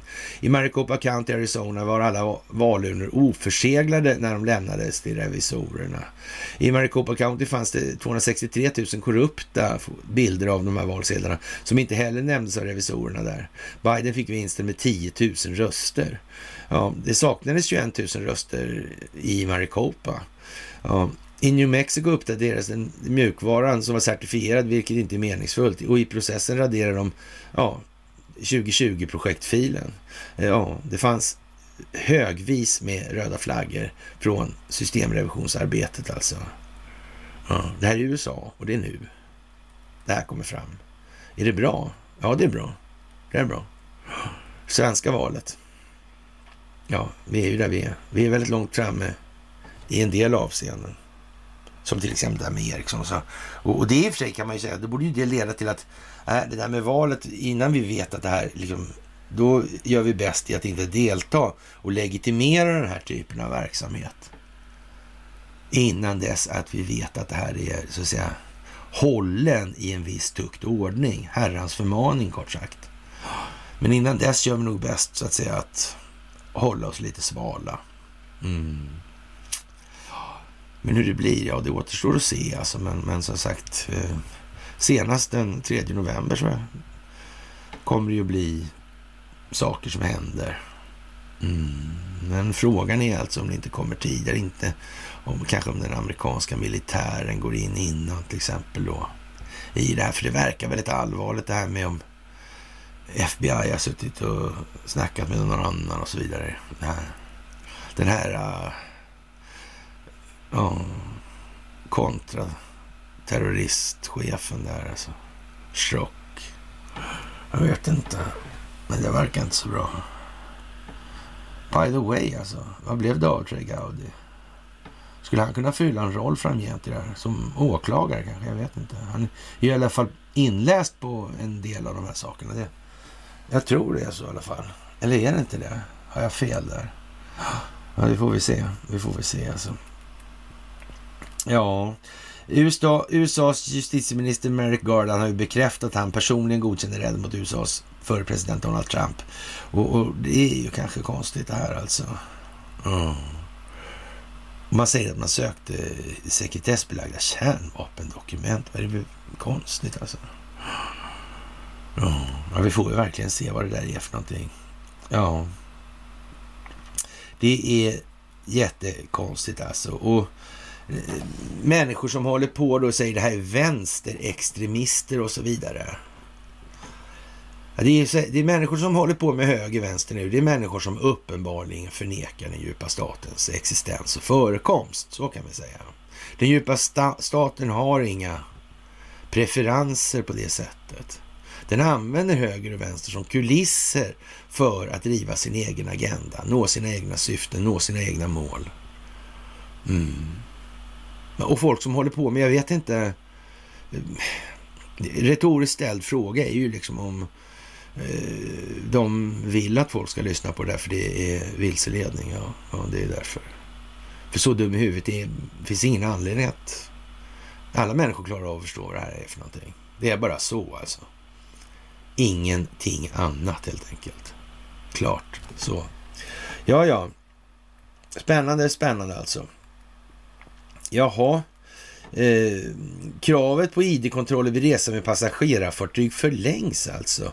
Och, och, det kan man ju säga eh, är lite lustigt. Och, och det här med, ja, handlar om det svenska rättssystemet. Ja, det kan man säga så här. Det är väl århundradets understatement rent ut sagt alltså. Och jag vet inte, de här passen, är inte det konstigt också? Handlar det om röstlängden där förresten? Ja, vi måste kunna säkerställa ordning och reda och att fartygen har kontroll över vilka passagerare som finns ombord. Det är viktigt för att kunna garantera säkerheten till sjöss, säger infrastrukturminister Thomas Eneroth som är eh, infrastrukturminister och eh, säkert inte vill vara det alltså. Jag tror inte ens han vill vara kvar i politiken. Jag tror Thomas har ett förflutet som han ska göra upp med. Och, och eh, det synes föreligga överhängande risk för att det här förflutna inte är så smickrande alltså. Jag bara fick en ingivelse av det, att det kommer att bli så. Ja, det är ju konstigt alltså. Mm. Ja, ja, det var under våren 22 som kravet på id-kontroller skärptes för resor med passagerarflyg så att passagerare alltid ska styrka sin identitet. Tidigare krävdes kontroll av id-handlingar enbart om det fanns skäl att anta att uppgifterna som lämnas var oriktiga. Reglerna om utökad id-kontroll förlängs nu till och med 31 december 22 och gäller eh, som tidigare både till och från Sverige. Mm. Är det så att det finns en massa människor alltså, individer, som eh, i den här typen av identitet, personidentitet alltså, oh, seglar under, vad ska vi säga, tagen flagga i en eller annan omfattning. Kanske till och med fler alltså. Mm. Så kan det vara. Så kan det vara, ja. Precis. Jaha, och eh, ja, det, det, är ju liksom eh, som det är nu här och många tycker ju att det är inte alls så det är och ja, vi får väl se hur det är snart. Och det kan ju vara lite roligt för många att få uppleva, ja, så att bli tillrättavisad. Kanske har lite masochistiska drag där, många. Mm. Har i alla fall goda möjligheter att utveckla dem. Så, faktiskt. Ja. Och eh, ja, man, man, får, eh, ja det där vet jag inte ens om. ja, som sagt. Kontroll över information är då i runda slängar 80 procent av det moderna kriget och, och Ericsson kontrollerar telekominfrastrukturen i 184 länder. En otrolig slump alltså. Och, och Donald Trump pratar om en djupt intrasslad fiende som kontrollerar den stora majoriteten av kommunikationen.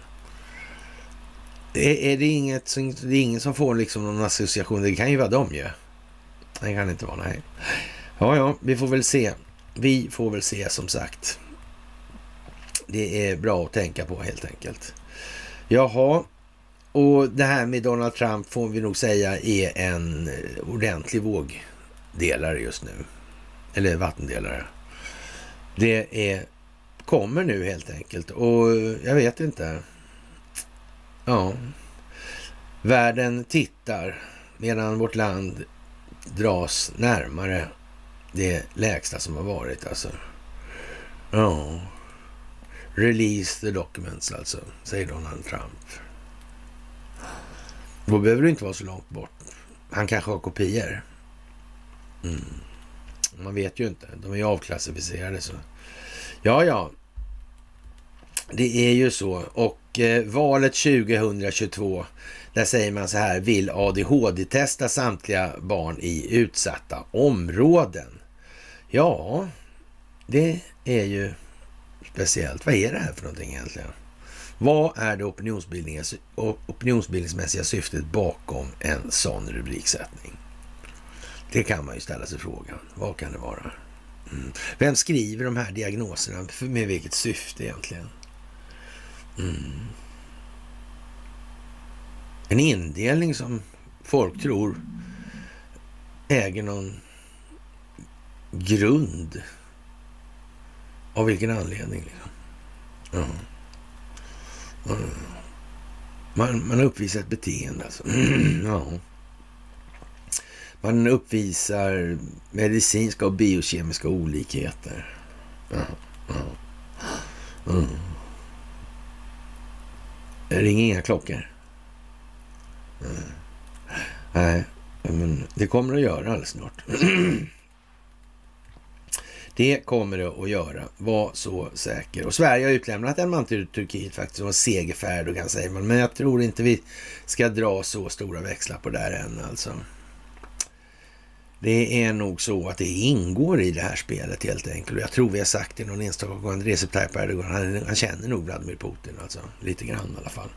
Inte nödvändigtvis mycket, men, men något, något lite tror jag vi faktiskt han känner till honom. Man känner till namnet. Som därav namnet som vi känner, eller som så kanske. Mm. Ja, ja, som sagt. Jaha, och eh, Birger Schlaug har nu ja, börjat prata om pengar här. Ja, jag vet inte faktiskt vad jag ska säga. Jag vet inte vad jag ska säga. Det är dags nu, eller vadå? men inte tidigare. Det var bättre att sitta i morgonsoffan då, kanske. Mm. Ja, kan, kan jag tänka mig. Att du tyckte. Mm. Jag vet inte. Jag pratade med Birger en rätt lång stund om de här sakerna, men ja, han får stå vad han, för vad han har gjort och, och sen blir det bra med det liksom. Eh, och vem vet, tycker Conny, en vacker dag kanske han tar upp skuldmättnaden också. Som sagt, det kommer ju bara så långt. Så det, det, är klart, det är lite sarkastiskt från min sida det här jag säger inledningsvis angående Birger Schlaug. Och, och, det är klart, eh, det ser ju jävligt klent ut alltså. Att börja prata nu om det här med bankerna, skaparna av pengar och inte ta upp vad som egentligen är det, grundläggande problemet i det här med att systemet i sig blir skuldmättat. Och om nu då, ja, om de gav alla pengarna till staten sådär då, då e, eller fick en, liten slant för eh, sitt arbete då, då i den meningen. Mm. Ja, fine, alltså, ni förstår vad jag menar. Det, det skulle man väl kunna liksom, ja, åtminstone diskutera det rimliga i. Men nu är det ju liksom inte ens det som är, det är ju inte på banan. Och menar han att han nu håller på och taktmäter då? Nej, lägg av nu för fan. Alltså det här är, den, frågan i sig är ju inte intellektuellt död sedan fan en evighet tillbaka alltså. Det är inte så att jag sitter och skriver fingrarna av mig för att skriva eh, monetärmekaniska essäer på bankprosa. Den tiden har gått. Det var länge sedan alltså. Ja, så. Ja, det är som det är och, och ja, eh, det här med ADHD-test, ADHD, det, det är ju som det är och Ritalin är vad det är och så vidare. Så där. Och, ja, vi får väl se helt enkelt. Det kommer ju att kristallisera ut så här och det är enskilda vinstmaximeringsintressen och det sitter ihop med samma och så är det alltid. Och eh, världen står på randen till kärnkrafts eller ja, nukleär katastrof alltså. Och ja, jag vet inte. Det där är lite sådär... Uh, mm, behövs ett scare event då för att folk ska vakna? Ja, det mest läskiga för en svensk är naturligtvis att uh, bli av med sina pengar. Så. Det är bättre att, att uh, dö. För då har man åtminstone dött med pengarna. Mm. Alltså folk är beredda att dö för pengar. Det säger något. Det är ungefär nivån på det här. Det är samma nivå som på det här med försvarsindustriföretagen och staten. Det är samma intellektuella nivå på i princip allting. Även där konvergerar allt blir rätt. Sådär. Ja, faktiskt. Och eh, Dan Bongini är pigg på att eh, ja, kampa på och det är Donald Trump också. Och ja, man står nu i någon form av eh, UFA då, då. Utgångsläge för anfall alltså i det här. Mm. Allting är upplagt. Pjäserna är utplacerade. Opinionen bedöms nog vara i stort på plats. Det är fantastiskt. Det måste man ju säga.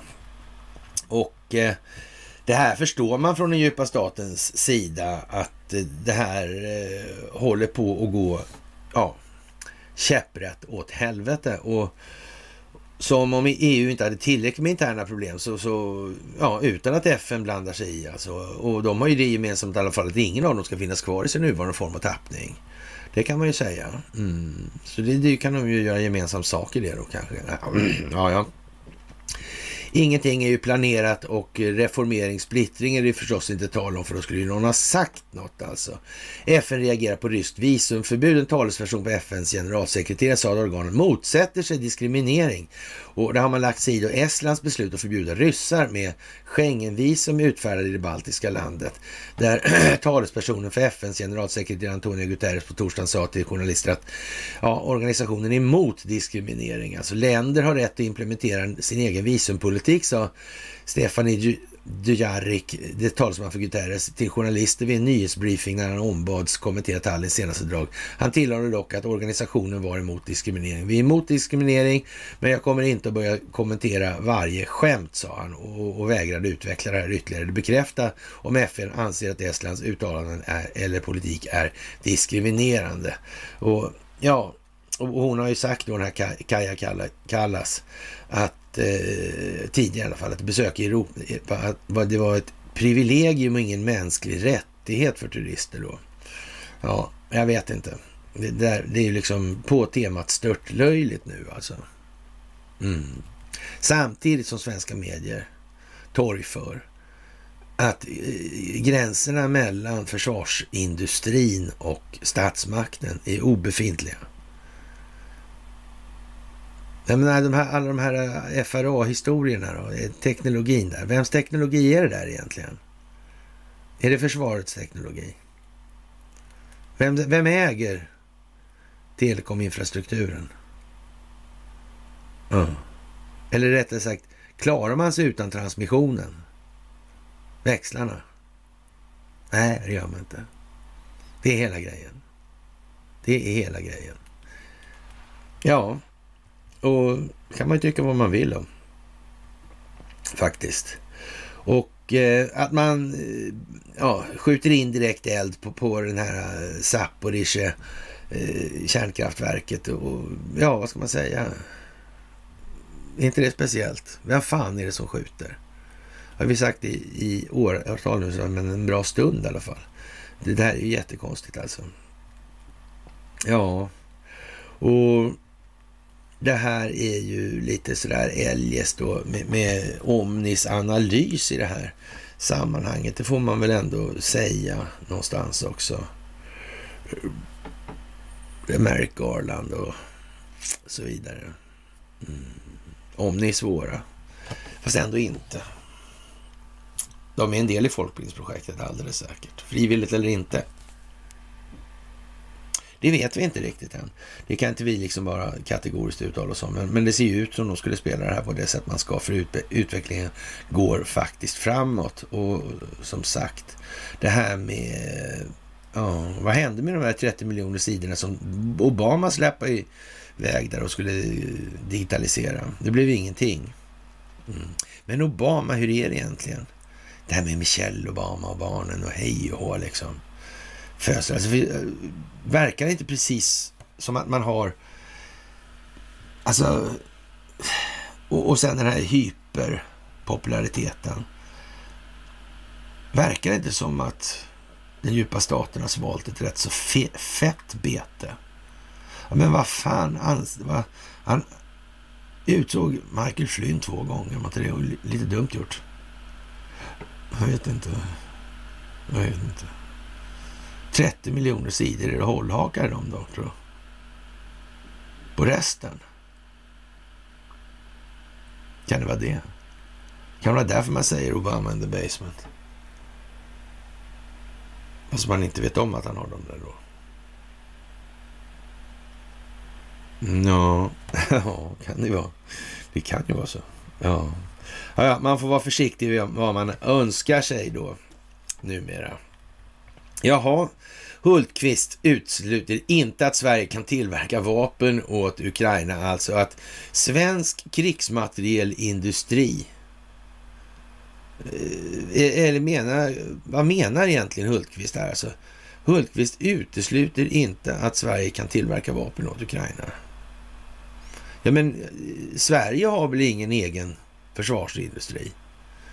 Den är ju enskilt kontrollerad, eller har Hultqvist missat den detaljen? I SVT samma dag som den här artikeln om ubåtarna i SvD.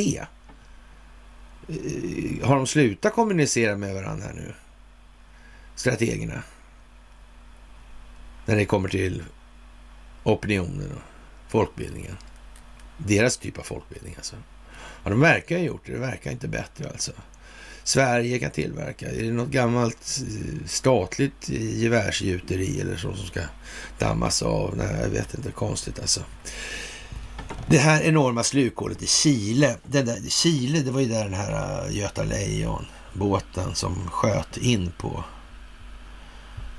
stan då. Mm.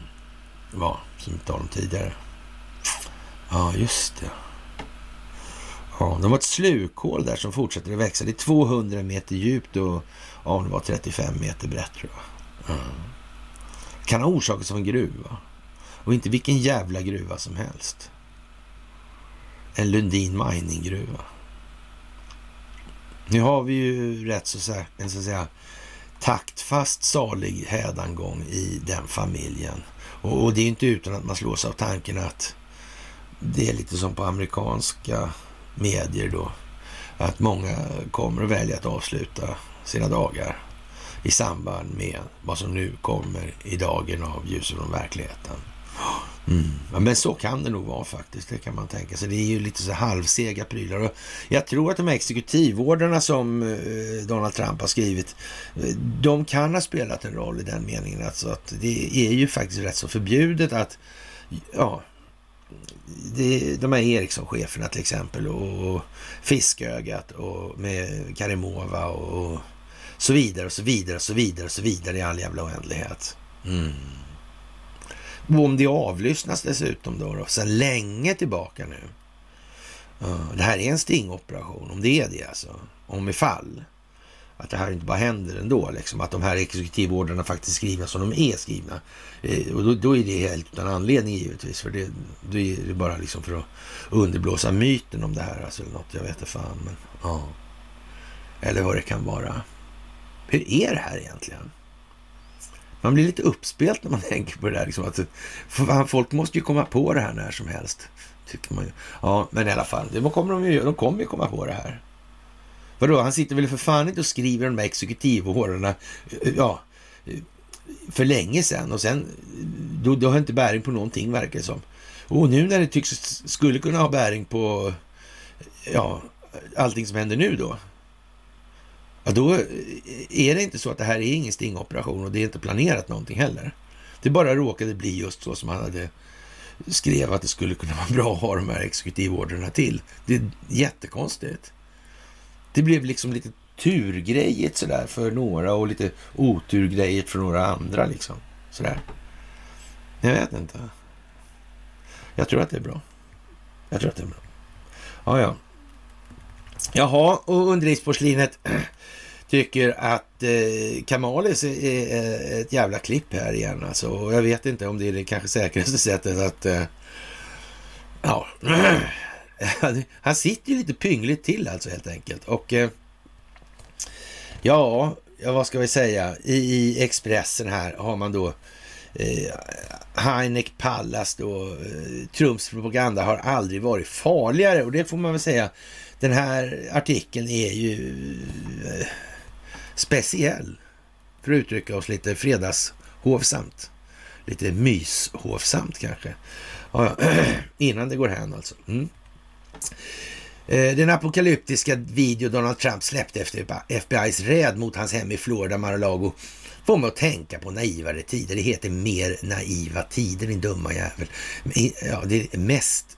Ja, ja, mer och mest komparerar man det. Alltså. Naivaste tider, det heter inte så. Ja, ja. Det fanns en period under den amerikanska presidentvalskampanjen 2016 när den första impulsen hos många hade varit att håna och förlöjliga en produkt som den fyra minuter långa filmen sannolikt att betrakta som en slags kampanjvideo för Trump. Då. Ja, de svartvita bilderna där regn sveper genom grodperspektiv på elledningar och oljetorn medan Trumps sorgliga stämma låter meddela att vi är en nation som håller på att misslyckas.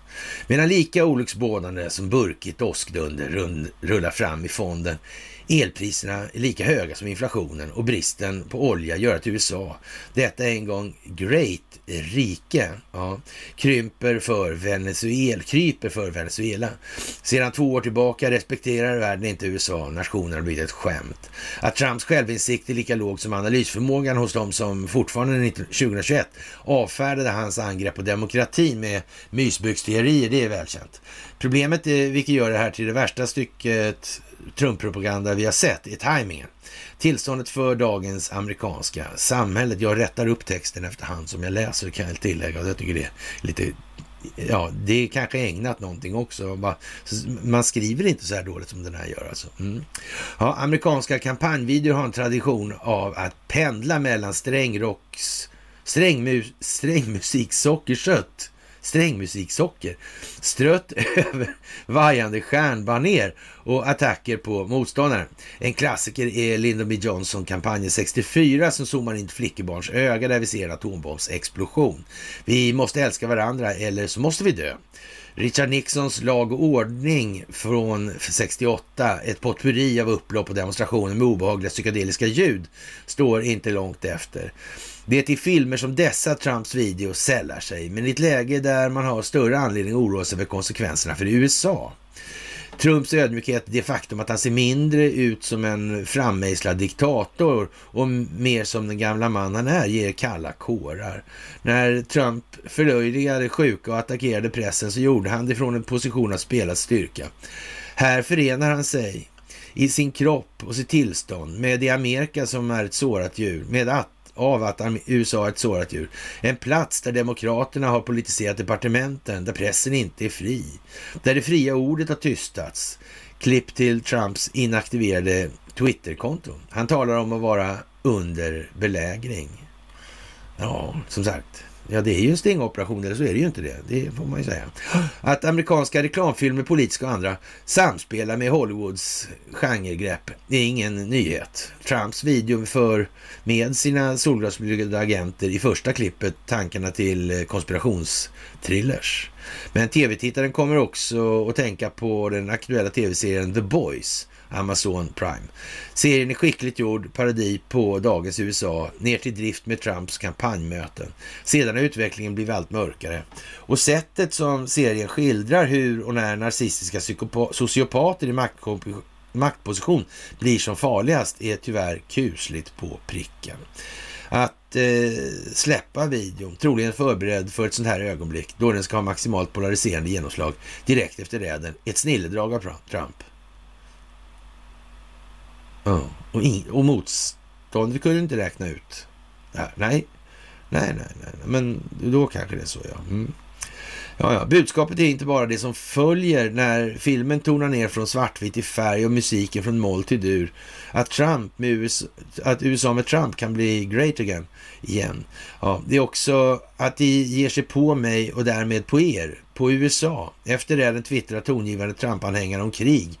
Representanthusens republikanska minoritetsledare Kevin McCarthy påstår att justitiedepartementet har blivit ett politiskt vapen. Jaha. Videons avslutande budskap, The best is yet to come, ska sannolikt tolkas som att Trump snart meddelar sin kandidatur till valet 2024. Och den som vill håna de apokalyptiska brösttonerna eller förlöjliga mysbyxorna denna gång ska minnas att vi nu har bevis för att starka suggestiva känslor från Trump tillsammans med ett republikanskt parti i fritt fall redan har lett USA till tröskeln på statskupp en gång. Ja, Fast nu är USA mer polariserat och Trump-anhängarna är lika apokalyptiskt radikaliserade som videon. Ja, Heineck Pallas är författare och medarbetare på Expressens kultursida. Ja, vad ska vi säga? Han måste ha gjort något förbannat dumt alltså. Så är det. Man hamnar inte där annars. Han kommer inte bli känd som, ja, något stort, något stort moraliskt föredöme. Varför friade svenska telekombolag från anklagelser egentligen? Hela tiden i svenska medier. Vad, kan det ha funnits en tanke? Kan det ha haft med de här eh, uh, exekutivordrarna att göra? Kanske Sverige fick klart för sig att ända bak till fiskögat och Telia Karimova, Gulnara Karimova. Så. Mm. Så har den här stingoperationen gått. Mm, på räls. Ja, och i princip varit öppen att se. Sen har ju vi svurit naturligtvis och sagt att det här är helt idiotiskt. Det säger allt om det svenska rättssystemet liksom. Ja. Och, det, och det är ju gjort för att visa det.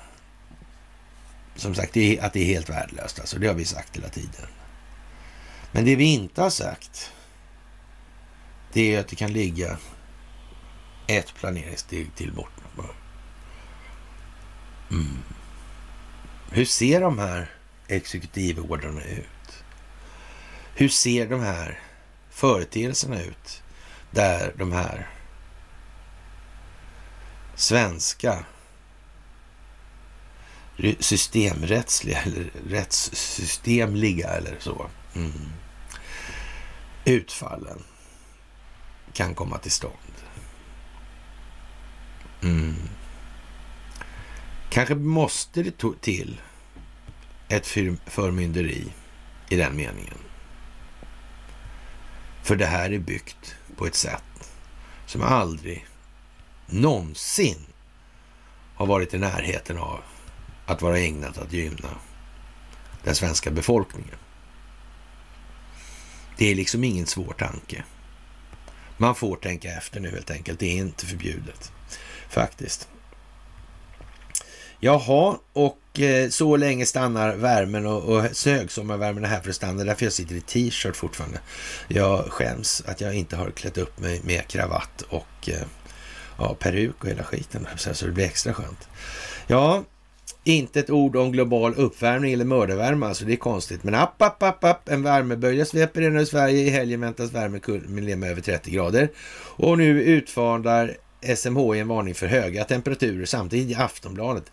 SMHI utfärdar värmevarning alltså. Det är ju lite sådär... Äh, samtidigt går de ut med det här nu. Liksom, är inte det tjusigt? Är det någonting man vill säga eller? Det, det, är, inte, det är ingen som reagerar. Men, jo, jag vet att ni ska skoja bara. Så, så det. Och som sagt, den exekutivorden 138.18 som är utfärdad av Donald Trump den 20 december 17 är alltså eh, viktig att komma. Det, det, kan man säga. Och den här har förlängts då av Joe Biden dessutom då. Eh, det, det, det kanske man ska fundera lite på. Hur kommer det här sig då? då? Är, är det, verkar väl helt dumt i huvudet då, om det är någonting som... Mm. Men det är inte planerat på något sätt. Mm. Är inte det. Ja, vi lär få se helt enkelt. Och, och, och hur slår de här amerikanska exekutivordnarna om den svenska staten och globalisterna som oligarkfamiljen Wallenberg och sådär?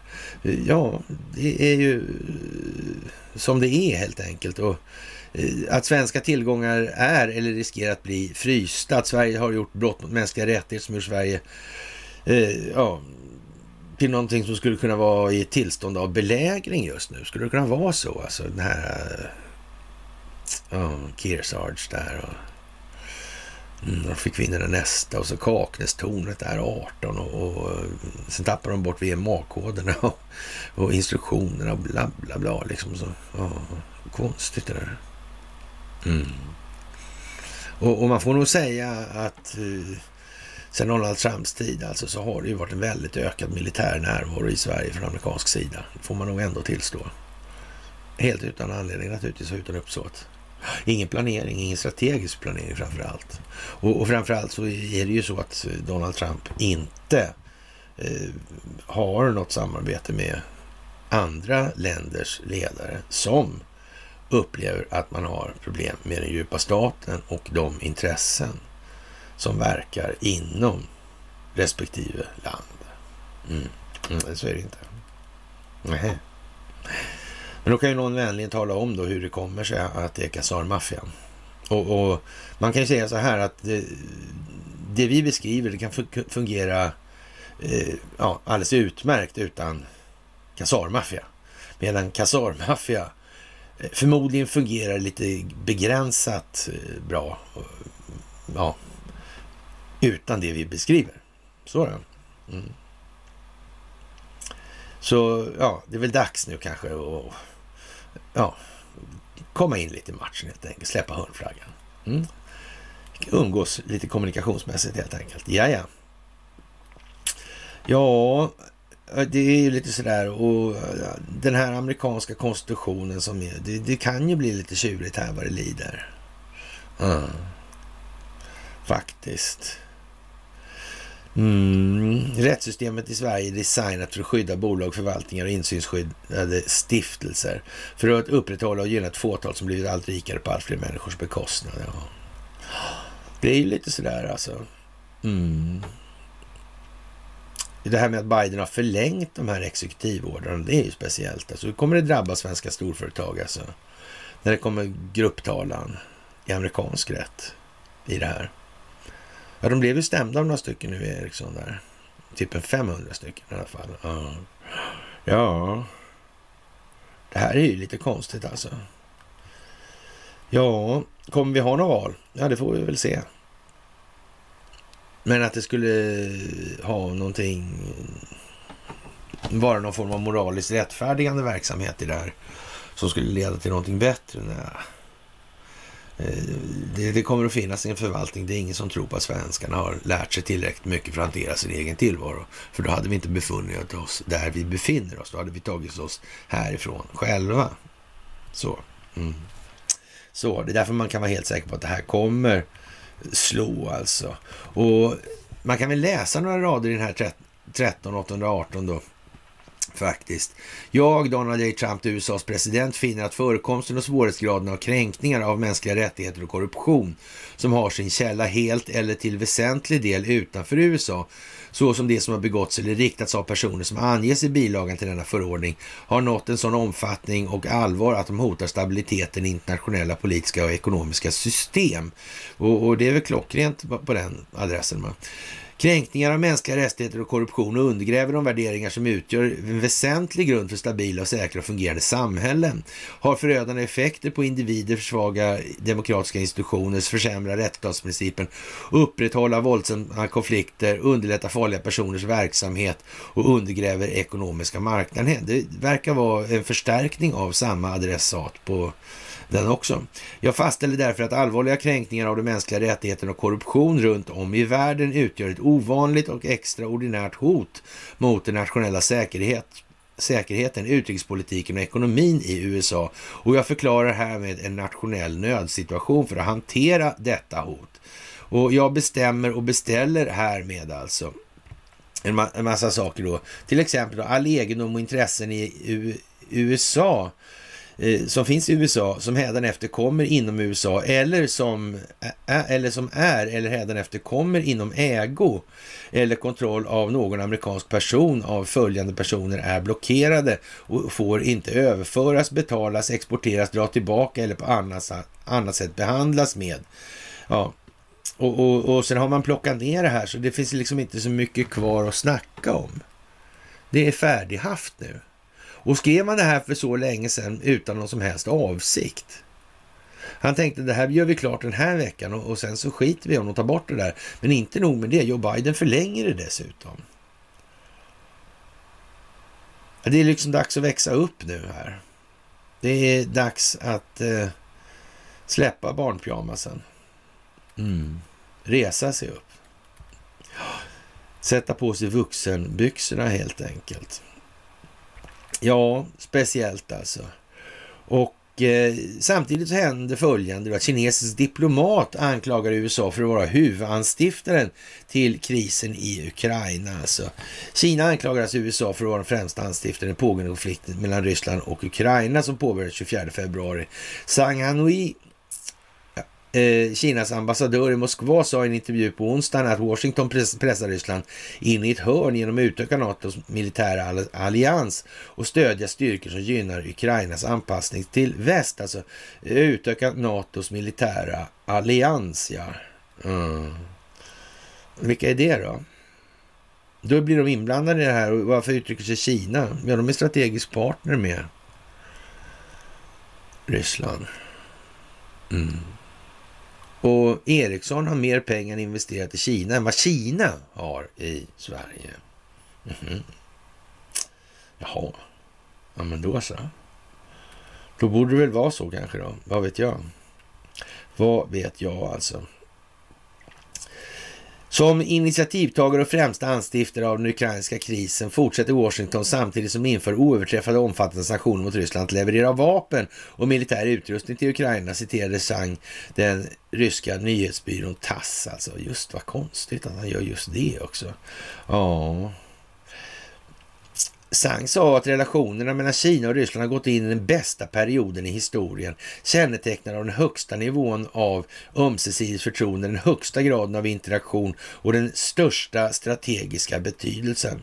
Vilken jävla lögnhals alltså. Det kan inte vara sant. Det skulle ju innebära att Ryssland och Kina samarbetar. Till och med gjorde en massa saker utan att tala om det kanske för den västvärld som man här uttrycker faktiskt utgör det, deras gemensamma problem. Det är inte planerat, för då hade någon sagt något.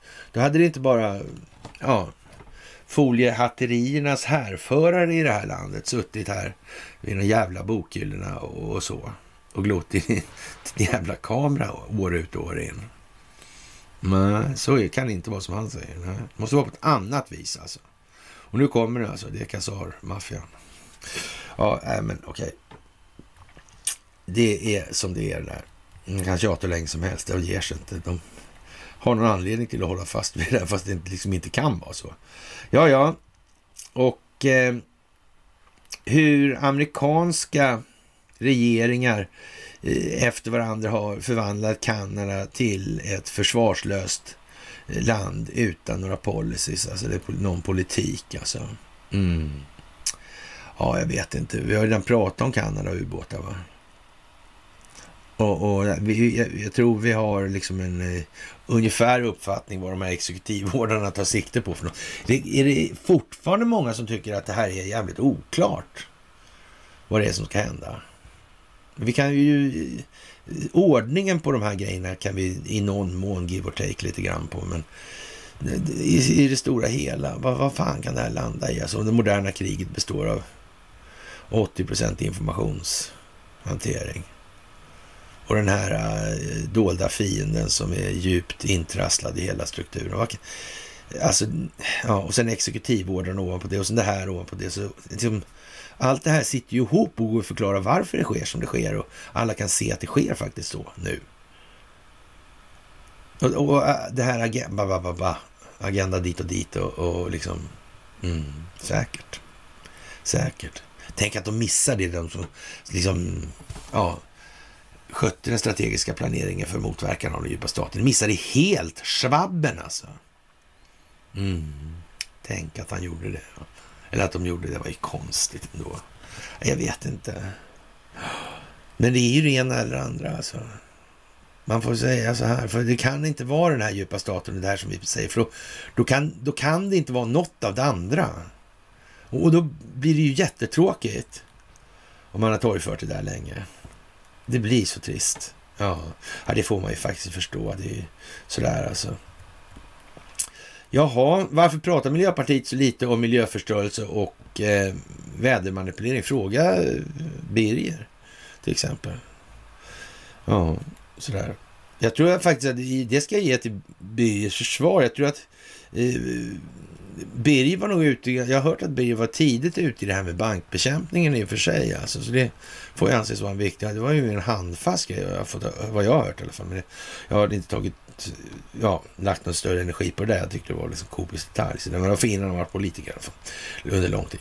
Ja, Ja, ja, och det här med eh, separera elpriserna från exporten. Ja, jag orkar, man orkar knappt, men vi kommer tillbaka till det i alla fall. Där och, ja, vi får väl se när det blir så här dumt alltså. Och det finns det ju det här... Eh, en annan exekutivorder i det här, det är den här 13959 som är då, eh, så att säga, lite speciellt alltså. Ett litet exportberoende land vars humanitära stormaktskap bygger på att ett fåtal svenskar på ett brutalt vis lägger sig i Kinas angelägenheter då sen, ja, över 200 år då. Och Panda Electronics är ett bolag som ägs av den kinesiska staten och Ericsson. Ericsson har använt strategiska komponenter för sin 5G-utrustning från ett samriskföretag och de äger ihop med den kinesiska statsägda Panda Electronics alltså.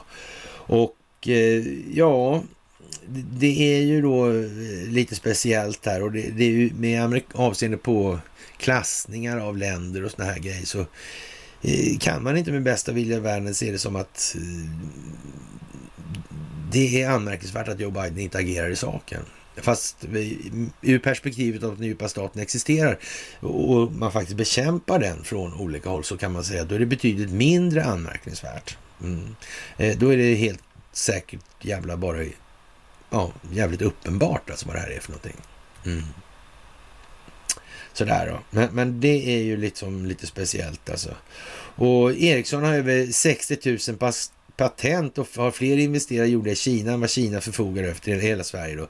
Ericsson ingår dessutom i en koncern tillsammans med ABB som kontrollerar stora delar av den kinesiska kraftförsörjningen och, har sin, och som har sin datalagring i Kina i Huaweis moln alltså. Eh, det här är ju jättesvårt alltså. Mm. Ja, det är ju märkligt alltså. Det är svårt att säga sådär alltså om man läser igenom de här exekutivorderna och, och konstaterar då att och, om han då så att säga har skrivit de här då, vilket man kan hitta på olika sidor då, att han har. Ja. Och, och, han, och ingen har ju bemött att han har gjort det här på, på så sätt att man säger att han har inte gjort, skrivit dem där. De finns inte. För de finns ju i ett arkiv för sådana där då, då exekutivordrar. Så det är inte heller så där uppe för riktigt, riktigt för debatt i, så, i den meningen. Nej, det är det ju inte. Det där är ju lattjo, att det kunde bli så konstigt. Det verkar precis som att det här är planerat trots allt alltså. Ja. Och eh, inflationsprognosen visar att eh, inflationen blir lägre då alltså. Ja. ja, vad ska vi säga om det? Det är väl som det är alltså. Helt enkelt. Och i och med att man tar ställning i fråga om eh, Ukraina så anser man nu från rysk sida att Schweiz inte längre är en neutral stat. Faktiskt alltså. Och ja, Schweiz kan inte representera Ukrainas diplomatiska intressen i Ryssland eftersom landet gav upp sin neutralitetsstatus genom att gå med i sanktionerna mot Ryssland, sa det utrikesministeriet på torsdagen. Ja, det där är ju lite konstigt. Hur är det då? Är, är det andra neutrala? Det är San Marino vi pratar om. De kanske drabbas av det där. Inga andra. Nej, jag vet inte faktiskt. Men det måste ju hända någonting också. Och, och den skandinaviska teatern är inte precis eh, betydelselöst. Så det är inte neutralt längre. Ja. Mm. De kanske var lojala i alla fall.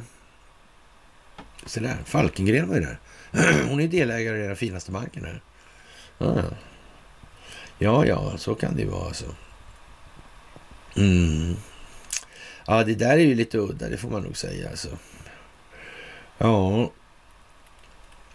Och när den ryska energimajoren, eller jätten, Gazprom, Eh, insisterar på att västerländska sanktioner hindrar turbinens retur från Tyskland så blir det ju förstås ett moment 22 precis som det ska.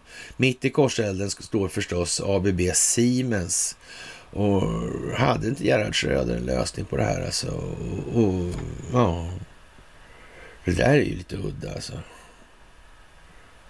Det där tycker jag är lite konstigt. Mm. Så där är ju Mm. Vi får väl se, helt enkelt. ja, men det finns mycket här hemma som ska komma på ja, plats då. 9-11 då alltså, mm, den 11 i nionde i Sverige alltså. Jaha, och eh, det här med den här mannen vi har lämnat, eller som Sverige har lämnat ut alltså. Det är ett rutinärende och det här kommer bli som det ska alltså. Ja.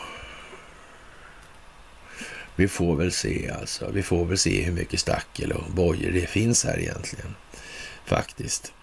Och ja. Och är det så smart av Lettland, Lettland att utge Ryssland till en statlig sponsor av terrorism? Alltså, Moskva insisterar trots allt på att de styrkor inte angriper civil infrastruktur utan bara riktar sig mot ukrainska trupper. Eh, legoknektar eh, behöver ju inte vara reguljära, de är ju så att säga legitima mål ändå. Då. Jaha, och eh, ja, det är ju som det är liksom. Och inte så mycket att säga egentligen. Mm.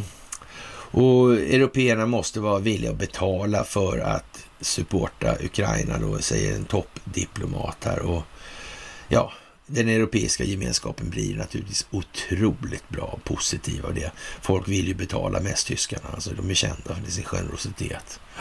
Mm. Ja, ja, det är faktiskt så. Och, det får man faktiskt komma ihåg alltså. Jaha, och eh, The Swedish Chef, ja som sagt det här med You have to be drunk to understand them. Helt enkelt. Mm.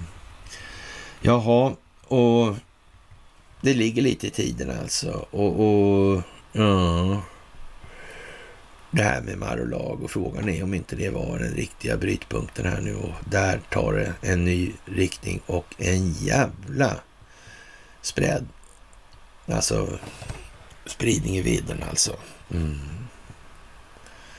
Då blir tiden, djupet på perspektivet blir kortare när man kör ut så här brett istället. All kraft på vidden nu. Ja, det är nog ungefär där vi befinner oss. Ja.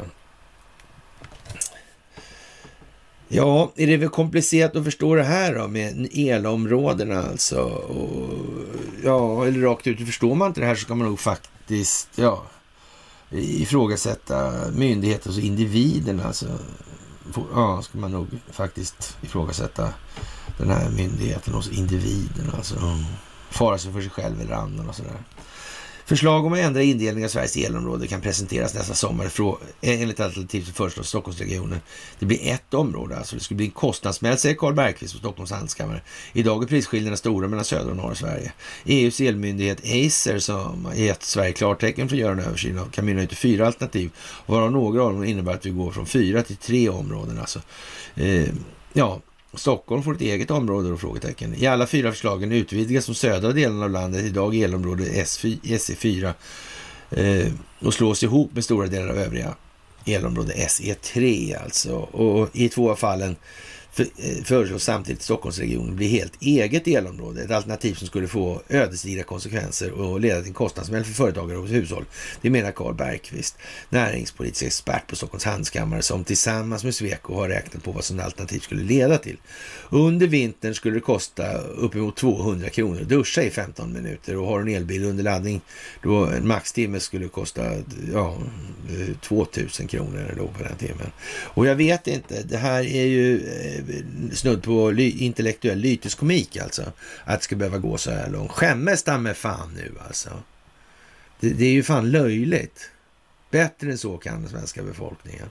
Det är helt säkert. Nu är det dags att manna upp lite här. Alltså. Använd gärna nu för helvete till något annat än att mössan på. Det är bara, ja, ta av dig din truckerkeps alltså. Det är bara så. Hackspettarna är inte så farliga som man tror alltså. Ja, vad ska vi säga? Det är ju inte förrän 2025 och, och såklart, det här kommer nu när det kommer av en anledning och den anledningen kallas för opinionsbildning. Har man opinionen med sig kan man göra vad man vill. Har man den inte med sig kan man inte göra någonting alltså. Mm. Så är det.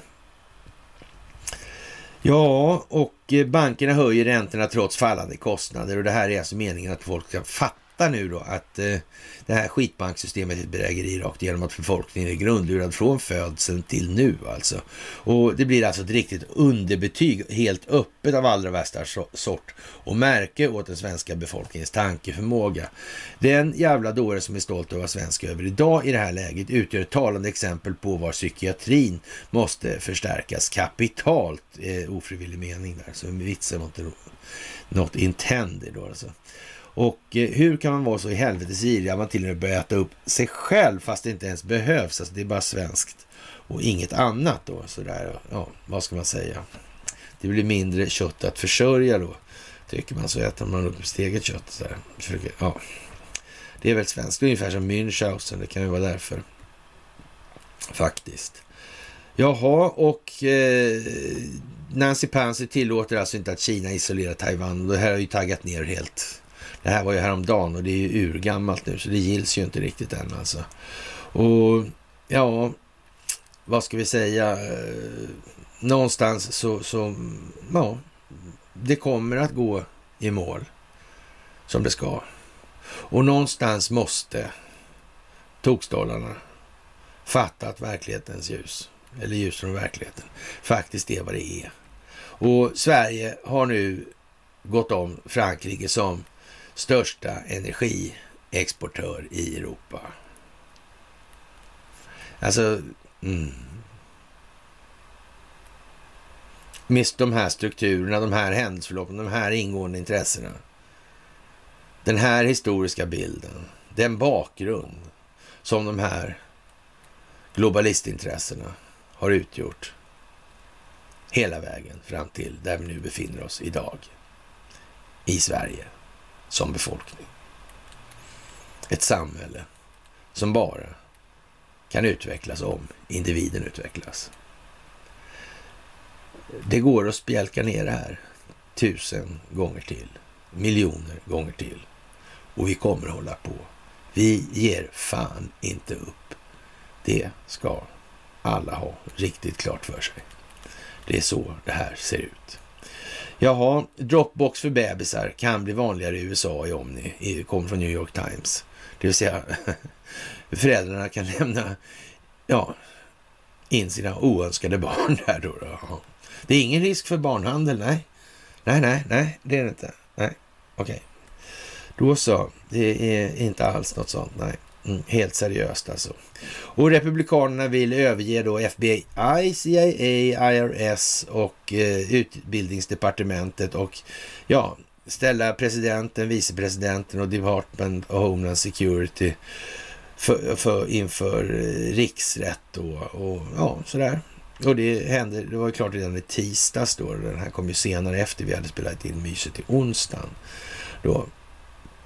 Så det är som det är och eh, Sverige är fantastiskt. Ja, jag vet inte exakt alltså vad man ska säga i den meningen. Alltså, det är många saker som eh, ja, blir helt uppenbara alltså.